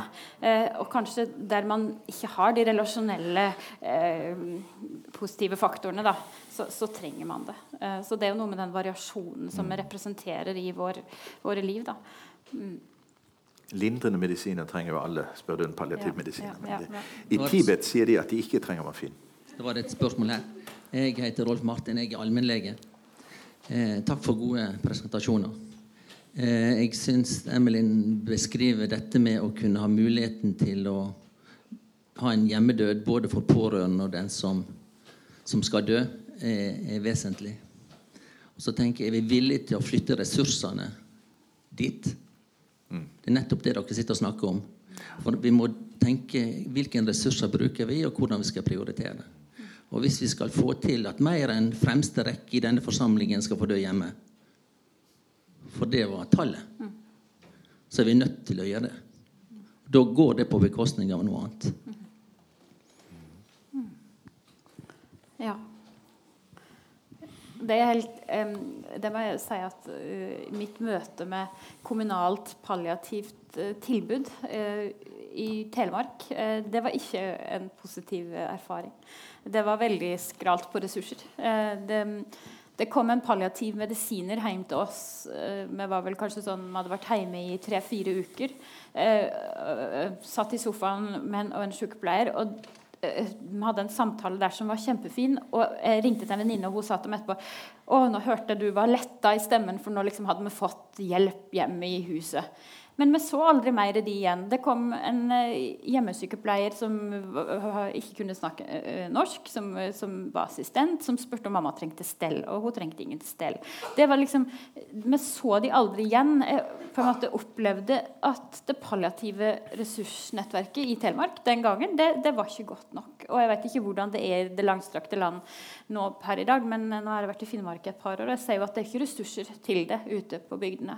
Det er ikke satsa på det at man skal ha et kompetansenettverk i fagmiljøet når det oppstår eh, situasjoner som, som, krever det på, i mange fasetter. på en måte. Altså, det handler både om pårørende og den som skal dø.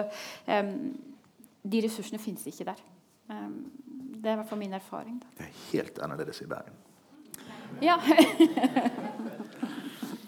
det er ganske bra i Bergen, for det finnes jo Sunniva senter for ja. indre behandling som kan hjelpe.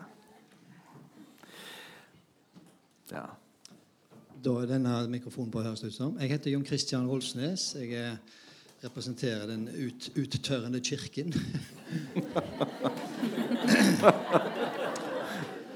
Eh, men jeg jobber som sykehusprest på Haraldsplass og har gleden av å være kollega med flere i denne forsamlingen. her. Eh, jeg jobber som sykehusprest i mange mange år nå, og tematikken er jo svært interessant. Og takk til Filosofisk forum, som har lagd en serie utover våren og høsten eh, med dette temaet. Jeg tror det er ganske etterspurt og særdeles viktig, så takk for det. Temaet i dag, eh, som jeg har reflektert litt på og fått gode innspill fra dere til å tenke videre på nå eh, Den gode død, finnes den? Jeg er sterkt i tvil. All min erfaring i alle fall tilsier det motsatte. Det er trist, det er sorgfullt. Det er forbundet med fysisk smerte, eksistensiell smerte, eh, fantasier om hva som kan komme til å skje. Jeg har til gode å treffe og møte den gode død. Eh, jeg har hørt en del som har sagt noe om at eh, det var en lettelse osv. At vedkommende døde. Eh, eller at den døde gammel og mett av dag osv., som vi har snakket om her. Men den gode død som, som fenomen, at den i seg sjøl kan være god, det, det, er jeg sterkt i tvil om. Det er ingen som har overbevist meg om det nå. Eh, og personlig så er jeg eh, urolig for det å dø. Jeg vet at den dagen kommer. Så det er, tror jeg, bare en, en metaforisk måte å tilnærme seg noe som er forferdelig vanskelig for oss å forholde oss til. Døden som fenomen og beskrive den som god på et eller annet vis. Og håpe eller tro at den kan være god. Døden er brutal, den er vond, den er vanskelig. Men vi kan lindre medisinsk. Men som dere har vært inne på på forskjellig vis, ikke minst med det relasjonelle møtet. Og der lurer jeg på og det, Kanskje det kommer et spørsmål òg, jeg vet ikke helt. Eh, men spørsmålet handler om i hvilken grad er jeg som òg hjelper i helsevesenet eh, beredt eh, til å møte andres død med å ha reflektert over min egen dødelighet. Det kunne vært interessant å høre om dere innledere òg har reflektert over. Det er jeg helt sikker på. Og til dels litt sånn innledningsvis med spøk. ikke sant? Jeg vil bare ikke være til stede ved min egen død osv. Eh, men min opplevelse er at de leger, de sykepleiere, de andre helsearbeidere, prester og kolleger som jeg vet om har reflektert over sin egen dødelighet og angsten for det, ofte setter seg i ganske bedre posisjon til å reflektere sammen med den andres død og dødelighet. Jeg syns jeg merker en eller annen form for forskjell der. Det er ikke vitenskapelig basert men jeg har en fornemmelse av, og jeg vet ikke om dere eller andre i forsamlingen eh, har noen tanker eller ideer om det, at det kunne kanskje kunne vært organisert. At de som jobber med andres dødelighet, må først og fremst også jobbe med sin egen død og dødelighet. Eh, da ligger et slags spørsmål i det. Iallfall en refleksjon. Men takk for dere at dere tar det opp. Um, jeg kan godt si en kommentar. for Jeg husker um, når jeg gikk på sykepleierstudiet i Kristiansand, så, så hadde vi en foreleser som nettopp proklamerte det så veldig tydelig at nå må, Det satt med en flokk på 30-40 stykker, og vi måtte ta et oppgjør med vår egen dødelighet. Og Der og da så, så, så kanskje ikke gjorde det så mye med meg, men det, gjort, det, det, henger med meg i all tid etterpå. At det satte i gang en prosess. Jeg tror at um, Gjennom medisinstudiet ble det aldri sagt, da. Uh, uh, men, men, jeg tror at det er en forutsetning. Uh, at vi har en viss Ja, en viss aksept i møte med, med døende. At man selv har gått noen runder. Men, men, hvordan man gjør det, det, det er jo et vanskeligere spørsmål. Mm. Hvordan møte sin egen dødelighet. Nå ser dere på meg, ja. altså, jeg vet ikke om det går an å forberede seg uh, virkelig på, på døden. Det, det, det, altså, reflektere rundt døden, det, det, kan man godt gjøre. Og, og fantasere hvordan det blir. Um, altså, jeg husker veldig godt som, som, barn ble jeg redd om kvelden uh, da jeg tenkte jeg skulle være borte en gang. Fullstendig borte. Sånn. Um, det var en slags refleksjon som ikke skremmer meg så mye lenger. Um, så har jeg jo gode kollegaer som Hvis jeg dør her i Bergen, så vet jeg at jeg blir godt ivaretatt. Altså, Jeg får helt sikkert god smertelindring. Jeg har tilgang til medikamenter. Jeg kan til og med ta mitt eget liv hvis det er sant? Jeg kan det. Jeg, kan, jeg har ferdigheten til det. Jeg har ikke tenkt så mye på det, men vi har nok vært med noen kollegaer altså, Når vi møter veldig syke, lidende mennesker, så kan vi gå ut og se på hverandre. så hvis, hvis jeg blir sånn, så, så, hjelper du meg. Sant? sånt kan vi si som helsefolk. Vi, det er jo svært sjelden at vi virkelig planlegger sånt, tenker jeg. Men det er en slags refleksjon rundt oss. At man, vil, at man er engstelig for egen lidelse. Jeg vet sannelig ikke om jeg kan forberede meg. De, veldig mange pårørende sier til oss um, vi har jo visst det lenge, men man blir aldri skikkelig forberedt. Og det, er, det, tror jeg er riktig også for ens egen død, med mindre man har en Og der kommer egentlig religionen igjen, og Kirken kanskje inn. Hvis man har en visjon om noe etterpå som man kan dø til, så vil jeg tro det er lettere å, å forsone seg med, med, med den brutale endeligheten som vi egentlig møter i vår biomedisinske forståelse. At vi, vi blir tilintet og, og forsvinner. Min tur. Det var veldig fint eh, det som du brakte inn der, eh, du som er prest. Og du formidler gjennom det du sier, at du har et avklaret forhold til det at du er dødelig, og at eh, det gjør deg urolig. Og jeg skal vedde på Jeg kan ikke si jeg skal banne på når jeg snakker til en prest. Jeg skal vedde på at uh, du er helt sikker på at alle du snakker med, de er også litt urolige for sin død. Og det er avklaretheten. Du vet noe. Du vet om et, al et allmenn uh, menneskelig premiss. Det er også et grunnvilkår at vi er urolige i forhold til dette. Ja? Det har du gjort deg klar over, og du kjenner det. Sånn er jeg òg. Men da kan du møte alle på like fot i det. Hvis du ikke hadde tenkt de tankene og gjort deg de erfaringene og sjekket ut er det noen unntak fra denne regelen, og du finner aldri noen, unntatt folk som åpenbart er i selvbedrag. Um, og jeg, tror, jeg har også snakket med mange andre prester, og, og de er ofte veldig fornuftige. Og da er de ikke noe mer happy med døden enn alle oss andre, som er mer eller mindre ateistiske. Det har ikke noe å si, tror jeg, akkurat i i møte med selve det. Og Særlig det med å lide mot slutten. Og det med at andre rundt deg skal lide, og at du får alt dette der totalt tap av kontroll, kanskje, hvis, hvis, vi nå går ut og går på trynet på sykkelen. Sant? Du ligger der med armer og bein og hjul i alle retninger. Uh, så det er mye med det som alltid vil være skremmende. Det er avklaretheten. Og det er det vi kan trene studentene på. Det er det at du sitter her nå i et auditorium, du har vært medisinstudent i to uker, du føler deg kjempeusikker på de 179 andre som sitter rundt deg, og det må ingen få vite. Jo, det må alle få vite. For det er jo akkurat sånn vi har det, samtlige. Og jeg som professor står her, litt svett under armen i dag fordi jeg skal snakke til 180 studenter. Og da er jeg usikker. Det gjør meg ingenting lenger. Og så, så, så vi bruker den mekanismen masse i den undervisningen der nettopp å, å møtes i det sårbare, som er grunnvilkåret. Fordi jeg vet at det er grunnvilkår, så er det avklaret. Det er fremdeles sårt. Det er fremdeles ubehagelig. Men det gjør ingenting, for sånn har du det òg. Og dermed så henter vi kraft av å være sammen om de der hemmelighetene der. Eh, jeg har bare lyst til å si noe. For jeg, tenker også eh, Jeg blir av til, og i de siste ukene kanskje når jeg snakker med dere, jeg blir jo redd for at man også romantiserer det. Eh, at man man kan ikke romantisere det, for det er hardt og brutalt, og det er vondt. Og, og, og på en måte Tenk tenkt selv min egen historie der jeg kanskje Det høres ut som jeg romantiserer de åtte ukene der vi venta på døden med min mor. Det er, de, det er de vondeste ukene, og, og, det er den dypeste smerten jeg har opplevd. Uh, men jeg tror det som jeg sitter igjennom, det, det handler jo på en måte om at man må, man må fokusere på å leve. Altså De åtte ukene de, de, de handla for oss om å leve hver dag. Eh, og gjøre ting som var positive, som, eh, altså, som handla om å leve.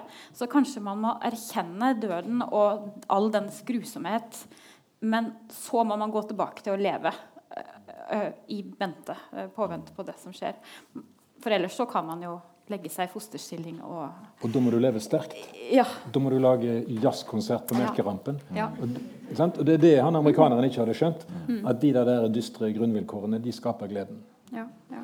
Jeg vil bare veldig kort uh, uh, skyte inn at det finnes jo så uhorvelig mange må måter å dø på. Det har vi sagt. Mm. Men også tilstander man dør fra. Det er mange mennesker som dør med en psykisk lidelse. Med en depresjon. Med, med psykose, med rus. De dør i ulykker, eh, i eksplosjonsulykker. De er, de er, ikke mer plutselig. Så det er så mange altså I krig, i, av sult, av tortur. Og vi, altså Jeg møter ikke de. Jeg møter, jeg møter kreft og lungesyke og medisinsk syke. Men det er så mange andre måter å møte sin ende på som man egentlig ikke kan forberede seg på. Og eh, altså det, det, det, må jo være med i refleksjonen, Jon Christian. Sant? At vi, vi, vi, blir muligens eh, møter vi, Er vi i en situasjon som er helt annerledes enn det vi ser for oss. Og eh, da kommer du med din usikkerhet igjen. Og det jeg det gir meg mye tankemat. Det er egentlig der vi er. Vi er i grunn og bunn fryktelig usikre. Det kan gjøre oss trygge, paradoksalt nok. Ja, nettopp. Ja. Mm. ja takk. Ja.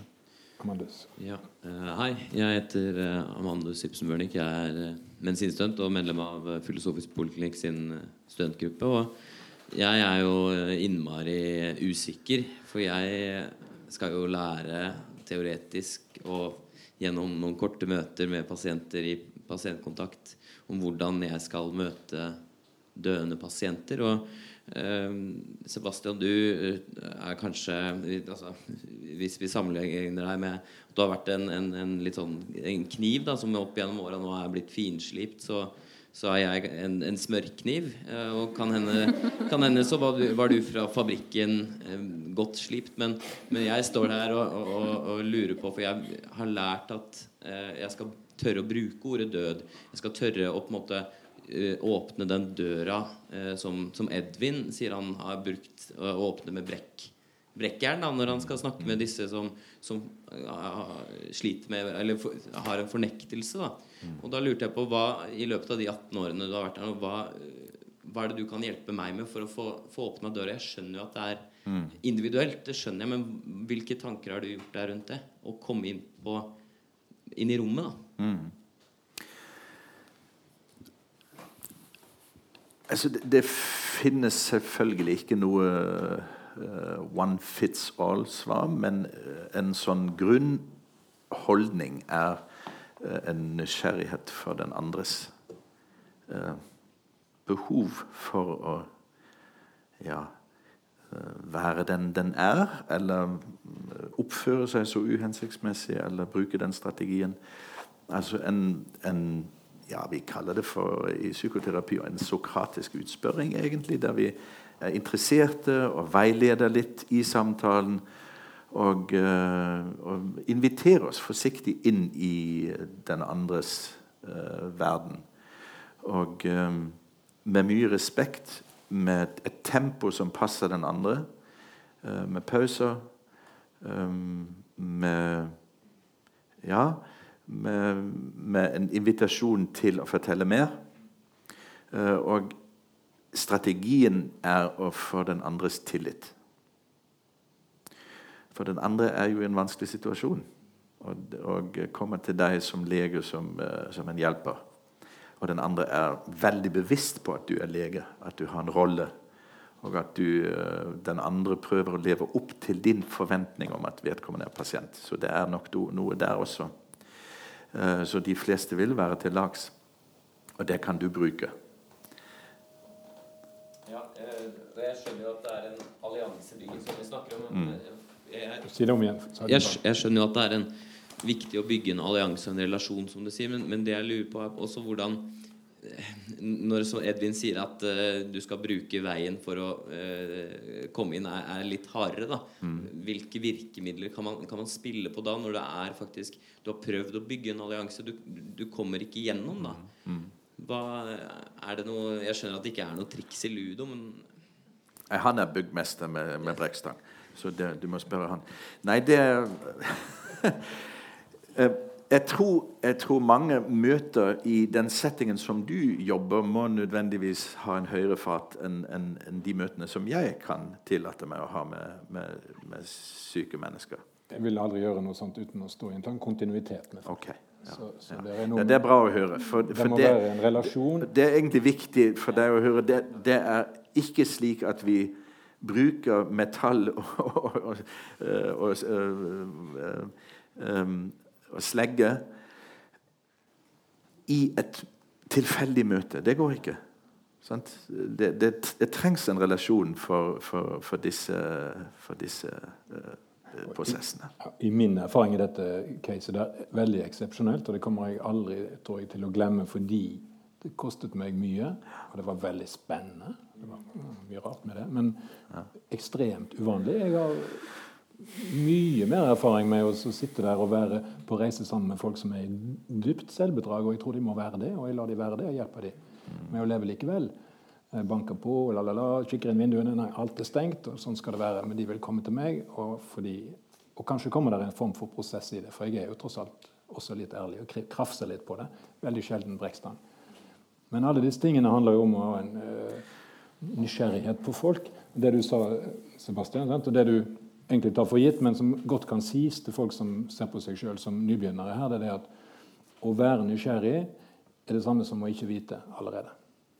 Det er en tilstand hvor den andre blir din lærer. Den har masse å si som du rett og slett ikke kan forutsi. Og det, når du etter hvert med litt erfaring skjønner at du står stødig sammen med hva folk sier, da blir du så trygg i kroppsspråket ditt at de sier hva som helst òg. Så De leser det på det nonverbale. Der ligger all kraften nesten i dette. der. Så du må gjøre det mange nok ganger til at du har vært litt ute av balanse. Til slutt blir du veldig stødig, og folk merker det i øynene dine, pusten din, hudfargen din. Det er trygt å si ting til han. Han har vært med på mye rart før. Det blir bra. Det tar fartstid. Og så at du våger deg ut på tynn is noen ganger og går gjennom og blir litt våt i håret. Og så er det likevel også, eller absolutt også sånn at vi, vi lykkes ikke alltid. Det også, det, det er, den usikkerheten må vi også kunne leve med som helsearbeidere. At, vi, at, ikke alle relasjoner fungerer. Du får ikke alltid dialogen til. Noen ganger må vi be om hjelp fra andre, eller ofte. Eh, jeg er ikke den rette behandleren. Kanskje kan du hjelpe, kanskje får du noe til. Ikke sikkert at vi kommer i mål, og det må vi også kunne akseptere. Noen ganger må, må folk virkelig bestemme. Altså, de må gå på trynet også. De er jo voksne og autonome. Heldigvis har vi et selvbestemmelsesrett, selvbestemmelsesrett i Norge. Da kan vi alltid si 'ikke mitt ansvar'. Jeg tror det er flere som har lyst til å si noe. Altså, kanskje vi skal høre noen kommentarer fra salen, og så se om det er plass til slutt til noe mer. Ingvild først. Ja, da har jeg fått mikrofonen. Ingvild Skotten Hannestad heter jeg. Lege og gynekolog og i styret i Filosofisk poliklinikk. Um, jeg har lyst til å sortere litt. Grann, uh, og for min egen del, og kanskje andre kan være med på de tankene. For det første så tenker jeg at det å reflektere rundt sin egen død det synes jeg blir veldig abstrakt og teoretisk og nesten litt provoserende. Uh, og grunnen til at jeg sier det, er at jeg har vandret en stund i, i dødens lys, eller kanskje dødens skygge når jeg fikk kreft da jeg var 37 år gammel. Og um, da syns jeg jo at dette ble, det ble veldig aktuelt. Mm. Og det er noe helt annet enn å gå rundt og snakke om at du skal reflektere rundt din egen død. Og det gjør jo selvfølgelig ikke at jeg har fasitsvar, men jeg har i hvert fall en slags erfaring.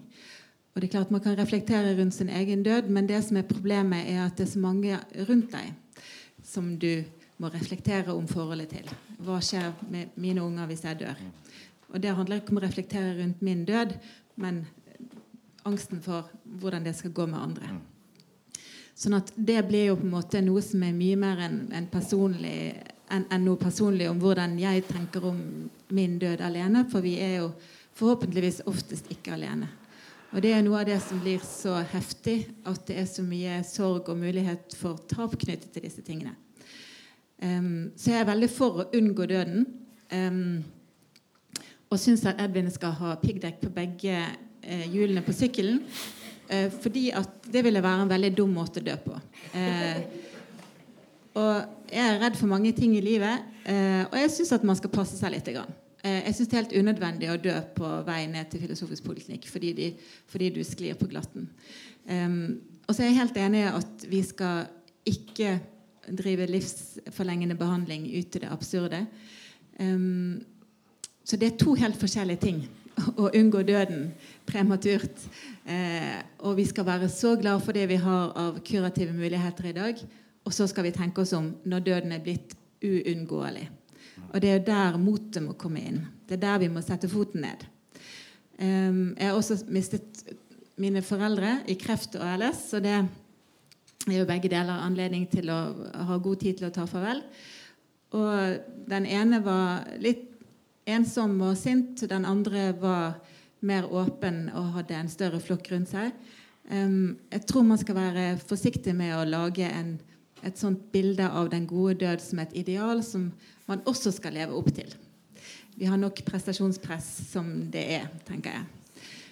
Uh, og vi må ha to tanker i hodet på en gang døden er sorg og tap. Men det kan jo være en god prosess likevel. Begge deler kan finnes samtidig.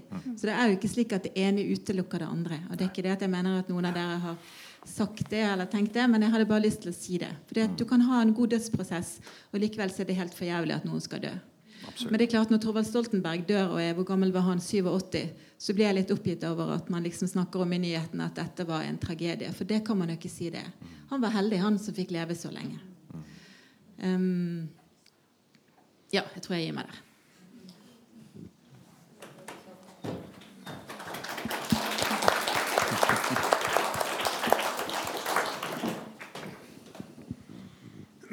Mitt navn er Karl Kristian Hauge. Jeg er ikke lege, jeg er ikke i helsevesenet. Jeg er sivilingeniør. Har jobbet med kybernetikk og modellbygging i mange år og driver mitt eget lille firma. Så jeg kommer fra en helt annen segment enn de fleste tydeligvis gjør her. Um, takk for veldig interessante synspunkter og momenter. Jeg har to tanker i hodet samtidig som jeg har lyst til å dele. Det ene er knyttet til hva skal vi si, det sjikt av problemstillinger som dere nå hovedsakelig har drøftet, nemlig ikke døden, men dødsprosessen. Um, vi har um, hatt en del, vi har hatt en del naboer og andre som har dødd av kreft, og som har fått beskjed og dette har ikke vært nevnt hos dere her nå fra helsevesenet at ja, nei, nå er du helbredet, nå er du ferdig, du er kreftfri. Og så gikk det en måned eller tre, og så kommer man tilbake og sier sorry, du er nok snart død. Og det at legene, og det har jeg også sett i andre sammenhenger, kan frimodig gå rundt og snakke og si du er kreftfri, når selv med en sivilingeniørs marginale medisinske kunnskaper vet at det er bare tøys. For ingen som har hatt kreft, kan være kreftfri. Du har stamceller som sirkulerer uansett, selv om ikke du ser dem på CT. Hvordan tør man å gå rundt og si det til pasienter? Og når det har skjedd noen ganger, så blir man også arg. Og Det der må dere slutte med. Det skaper ikke tillit, som er veldig viktig at dere har. Det andre temaet, eller den andre tanken, det er knyttet til det temaet som ikke er spesielt belyst i denne samtalen. Og det er den store elefanten i temaet. Jeg tror ikke eutanasi er elefantproblematikken, men det er den store elefanten er rett og slett det eksistensielle spørsmålet. Selve døden og hva skjer etterpå. Det er det klassiske problemet som alle mennesker har hatt med seg alle år. Det er der usikkerheten, angsten og problemstillingen egentlig ligger. Usikkerheten. Og jeg er slett ikke sikker på at det at vi alle heier på hverandres usikkerhet i denne sammenheng, er noe annet enn en ren kosmetisk palliativ attityde til akkurat denne eksistensielle elefantproblematikken.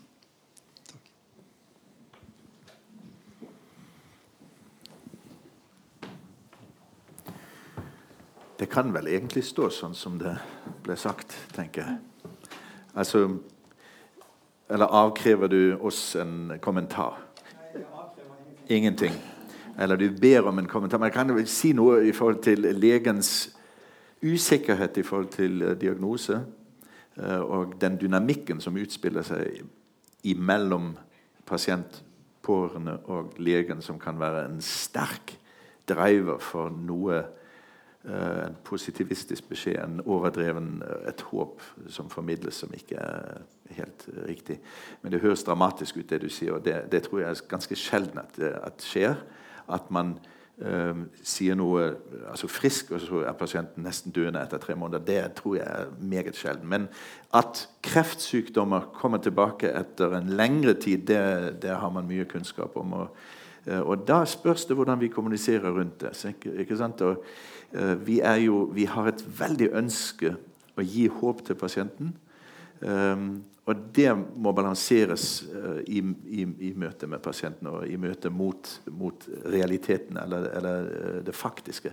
Og det er en vanskelig øvelse for mange kreftleger som står i den utfordringen til dagen. Og det Her sitter jo noen kreftleger også som kunne sagt noe. kanskje. Jeg vil lyst til å kommentere på den andre ja, fint, tingen din. Uh, for Jeg tror du snakker på vegne av mange når du sier at det er tanken om det som skal kunne komme etter døden. Altså etter at du medisinsk sett ikke er blant oss lenger. Um, jeg tror det er rett at veldig mange har det som et stort anliggende. Men jeg snakker for alle de som ikke har det. Jeg har ikke det. Det faller meg aldri inn å være urolig for det som kommer etterpå. Jeg er av en eller annen grunn sosialisert inn i en familie hvor det ikke var noe som noen var redd for. Så da tror jeg at jeg er fri for det. Og hvis det skjer noe etterpå, så får det vise seg. Sånn er det. Så jeg snakker for noen andre. Igjen, bare et eksempel på hvor mangfoldige vi er, tror jeg, inni dette her. Uh, og jeg syns det var veldig mange flotte påminnelser fra deg, herr Ingvild, med dine erfaringer. Så viser det på, på noen av de andre dimensjonene i dette. Er det din tur å snakke? Ja. Hei, jeg heter Kristin Bjørnar. Jeg eh, er heller ikke noe helsepersonell. Jeg er kirketjener i Mjømna kirke i Gull kommune. Og der har ikke vi eh, begravelsesbyrå. Så det er meg. Hva sa du? Vi har ikke begravelsesbyrå i vår Nei. kommune. Så der er det meg som tar imot disse som er døde, og deres pårørende. Og jeg har sjøl mistet en sønn da han var 21 år gammel. Han døde i rus. Eh, hvor jeg ble oppringt fra sykehuset og fra Haukeland på intensiv at han var innlagt. Og han døde dagen etterpå. Så vi hadde heller ikke denne Jeg syns det er så mye snakk om denne her eh, prosessen hvor vi skal dø. Vi fikk eh, det sjokket. sant? Ja, Forferdelig sjokk som du snakker om. Eh, nevnte. Altså, det eh, var helt for jævlig. ja. Eh, og noen av de som jeg tar imot ute hos meg, de dør også veldig fort. Eh, det er ikke alle der som har denne prosessen. De har gjerne dødd brått hjemme. Og de kommer i kiste til, og jeg får melding om å sitte på kjølerommet, og jeg tar imot kisten. Men kisten kommer ikke alene hos oss. Han kommer med de pårørende. Det er de som følger kisten. Sånn er det på landet. Vi er en liten kommune. Eh, hun bor der òg. I den kommunen. Vi er en liten kommune, og sånn er det. De følger kistene. Eh, og da har jeg laget noen sånne ritualer som dere har snakket om Eh, når de kommer, så har jeg alltid et lys, så de får lov å sitte inn på kjølerommet oppå på kisten. De får lov å være der så lenge de er. Eh, jeg spør alltid om de likte å sove med lyset på eller lyset av. Eh, så likte de, var de mørkredd, så har de lyset på på kjølerommet. Og de får lov å komme bort og være på kjølerommet helt frem til begravelsen. De får ta av lokker, så jeg har syning med dem. Og jeg gir dem veldig beskjed på at den døde er fremdeles i deres familie. Så den døde er deres. Og det er veldig også viktig i dette her. De får lov å, jeg syns også det er viktig at de får lov å ta på de, de klær de ønsker, og ikke ha på seg disse forferdelige skjortene. Så Ja. Og når de kommer fra sykehusene, det jeg har fått det, ja, så syns jeg det det er litt viktig at dere eh, steller dem litt. At de er greie til litt fint på håret. Eh, ikke, jeg har fått andre som har vært i rus og hatt veldig langt hår og sett forferdelig grusomme ut oppi kisten, og så skal det være foreldre så, og familie som skal ha syning. Og da mm, må vi begynne å ordne på de vi. Det er ikke helt greit. Men litt utenom det andre, men det er ting som er veldig viktig. Oppi dette det er veldig viktig for alle. Og jeg tenker jo at det er viktig for den hvis vi snakker prosess, det er viktig for den som dør òg. Eller er død. At de fremstår så litt flott etterpå. Vi vet ikke hvor de er, men kanskje de ser at uh, 'Jeg var ikke helt bra i dag'. Fikse litt Kanskje. på meg. Kanskje. det er iallfall viktig for livet. Ja. Ja. Tusen takk for det. Veldig flott. En av ideene våre var å få inn folk med erfaring fra begravelsessiden. Så det, det hjalp du oss med nå. Det var veldig flott.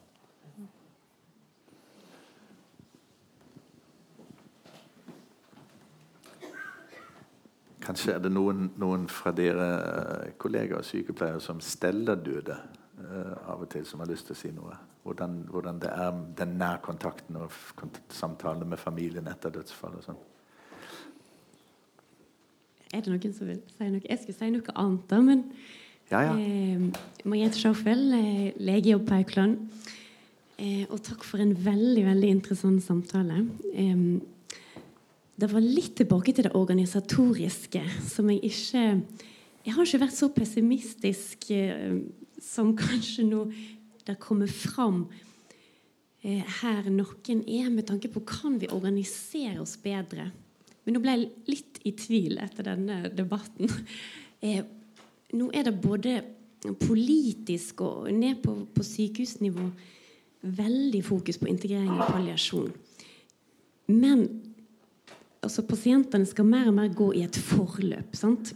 Og dette grusomme ordet pakkeforløp. Og nå er det faktisk palliative pasientforløp. Og vi kan tenke, Er det en økende krenkelse at vi alle skal inn i et system? Eller vil det bidra til at vi øker respekten og eh, dialogen og det, og det, tidlige fokuset på hva akkurat du og din familie trenger i, med uhelbredelig sykdom? Um, og jeg tenker i hvert fall, altså Alle vi som driver med uhelbredelig sykdom, kreft, er jo forplikta til handlingsprogram i lindrende behandling. Eh, og det blir utarbeida eh, retningslinjer for eh, hvordan vi skal øke vår kompetanse. Men igjen vil det da øke vår individuelle tilnærming til deg? Eller vil det da gjøre oss enda mer inn i den der produksjons- og eh, mentaliteten som vi har? Ja, Det var bare en liten kommentar til det ja, du Men Margrethe, har, har, du troen på at uh, det kan faktisk føre til noe? Ja. Jeg har veldig lyst til å bli motsagt av noen som har god grunn til det. For jeg har ikke lyst til at det skal være så dystert. Nei, jeg altså, jeg, men jeg er jo naiv og evig optimist av natur. Men eh, eh, sånn som vi ser det blir gjort på Aukland, da altså, det, Dette er forankra på øverste hold. Foretaksledelsen ønsker tidlig integrering palliasjon. Alle avdelinger på Aukland som har palliative pasienter, må jobbe med kompetanseheving i grunnleggende palliasjon. De får besøk av palliative team. Eh, og i den kompetansehevingen så er det dette individuelle fokuset. Eh, eh, hva er livskvalitet for deg, og hvordan skal jeg ta gode beslutninger? Men det går òg på prognosisering. At du har krav på å vite hva kan jeg forvente, hva kan familien forvente. Eh, trening og kommunikasjon. Men, men som alltid i sykehuset sant? Eh, kostnadseffektivitet. Og, men jeg, jeg, har trua på det. Og, og f.eks. med lungekreft så, så, er det konkrete planer på å lage helt sånn integrerte eh, system da, i Helse Vest. Eh, der dette skal gå parallelt med kreftbehandling. Avansert onkologi. Sant? Men når jeg vil prøve enda et medikament som jeg ikke aner har effekt for deg, så må jeg på en måte ha beslutningsverktøy for å integrere den, den andre tilnærmingen. Så det er under utvikling på lungekreftssida. også. Jeg er villig til å bli uh, mildt positiv etter å ha hørt det. Ja. For det, det har nemlig alltid vært en mangel på uh, offisiell interesse for det eksistensielle ved alt som skjer i medisinen. Og dette er, dette er jo å plante inn den verdien. Ja, så det gir grunn til håp. Ja, jeg tenker at det har litt sånn svar på det Per Fugli for noen år siden beskrev som engangslegen i hans kreftforløp. At det, det blir en motvekt til det. At man er sikra en viss integrasjon i forløpet. At man skal følge et, et, en viss plan. Da. Og som du sier, at det er jo individuelt. Man spør hva trenger du eh, Men den jeg tenker at Det er en fare for at i et sånt uh, i spesialisthelsetjenesten så blir det bare et sånt uh, fra den ene til den andre, og så glipper det rommet til å, å sikre at uh, man er ivaretatt palliativt. Ja. Vi har 30 sekunder igjen. Du, du har fått mikrofonen, og du må få si noe. Ja. ja. jeg heter Ingeborg, og jeg er ikke i helsevesenet på noe vis. Nærmest jeg kommer paleo er paleozoikum, så jeg er geolog. Eh, men jeg har et spørsmål angående For nå er det snakk om den eh, gode død, eh, som da også noen har sagt at ikke eksisterer. Men spørsmålet fra da et utenforperspektiv og nysgjerrighet er litt denne her gode død. Det med å ha sånn som Emily som familie, da, som har deg i familien som er innenfor helsevesenet. I forbindelse i et sånt forløp, da, er det forskjell på hvordan eh, familien eller pårørende eller pasient ønsker behandling.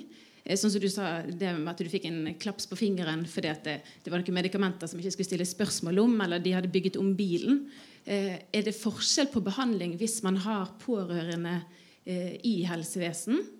og ikke. For dere sier jo det at det, språket er jo forskjellig. Men, men som, som, som, du også nevnte, Sebastian, så sa dere jo det sånn på bakrommet at Vel, hvis, hvis, hvis dette her er meg, eh, så hjelper du meg. ikke sant? Så er det et eller annet som er sånn underkommunisert mellom det som er helsevesenet, og, og oss som ikke er innenfor helsevesenet. Ja, ja, ja. Eh, ser, dere, ser, dere, forskjellige trender? Ja, ja, ja. Jeg kan skjønne. Det finnes gode undersøkelser som, der, spør, der, de spør leger hvilken type behandling de vil ha. De vil helst ikke ha det de gir til sine pasienter. Mm. De vil, de vil, dø fortest mulig når de får en sånn eller sånn eller sånn diagnose. Men de gir masse behandling til sine pasienter. Overtaler de inn i et vanskelig behandling. Så er det fordi det er et uh, problematisk tema? Problemat er det, er Nei, overhodet. Altså, her er det ikke problematisk. Nei, nei, nei. Men generelt er det svært problematisk, selvfølgelig, for du er inne på noe veldig vesentlig. Mm.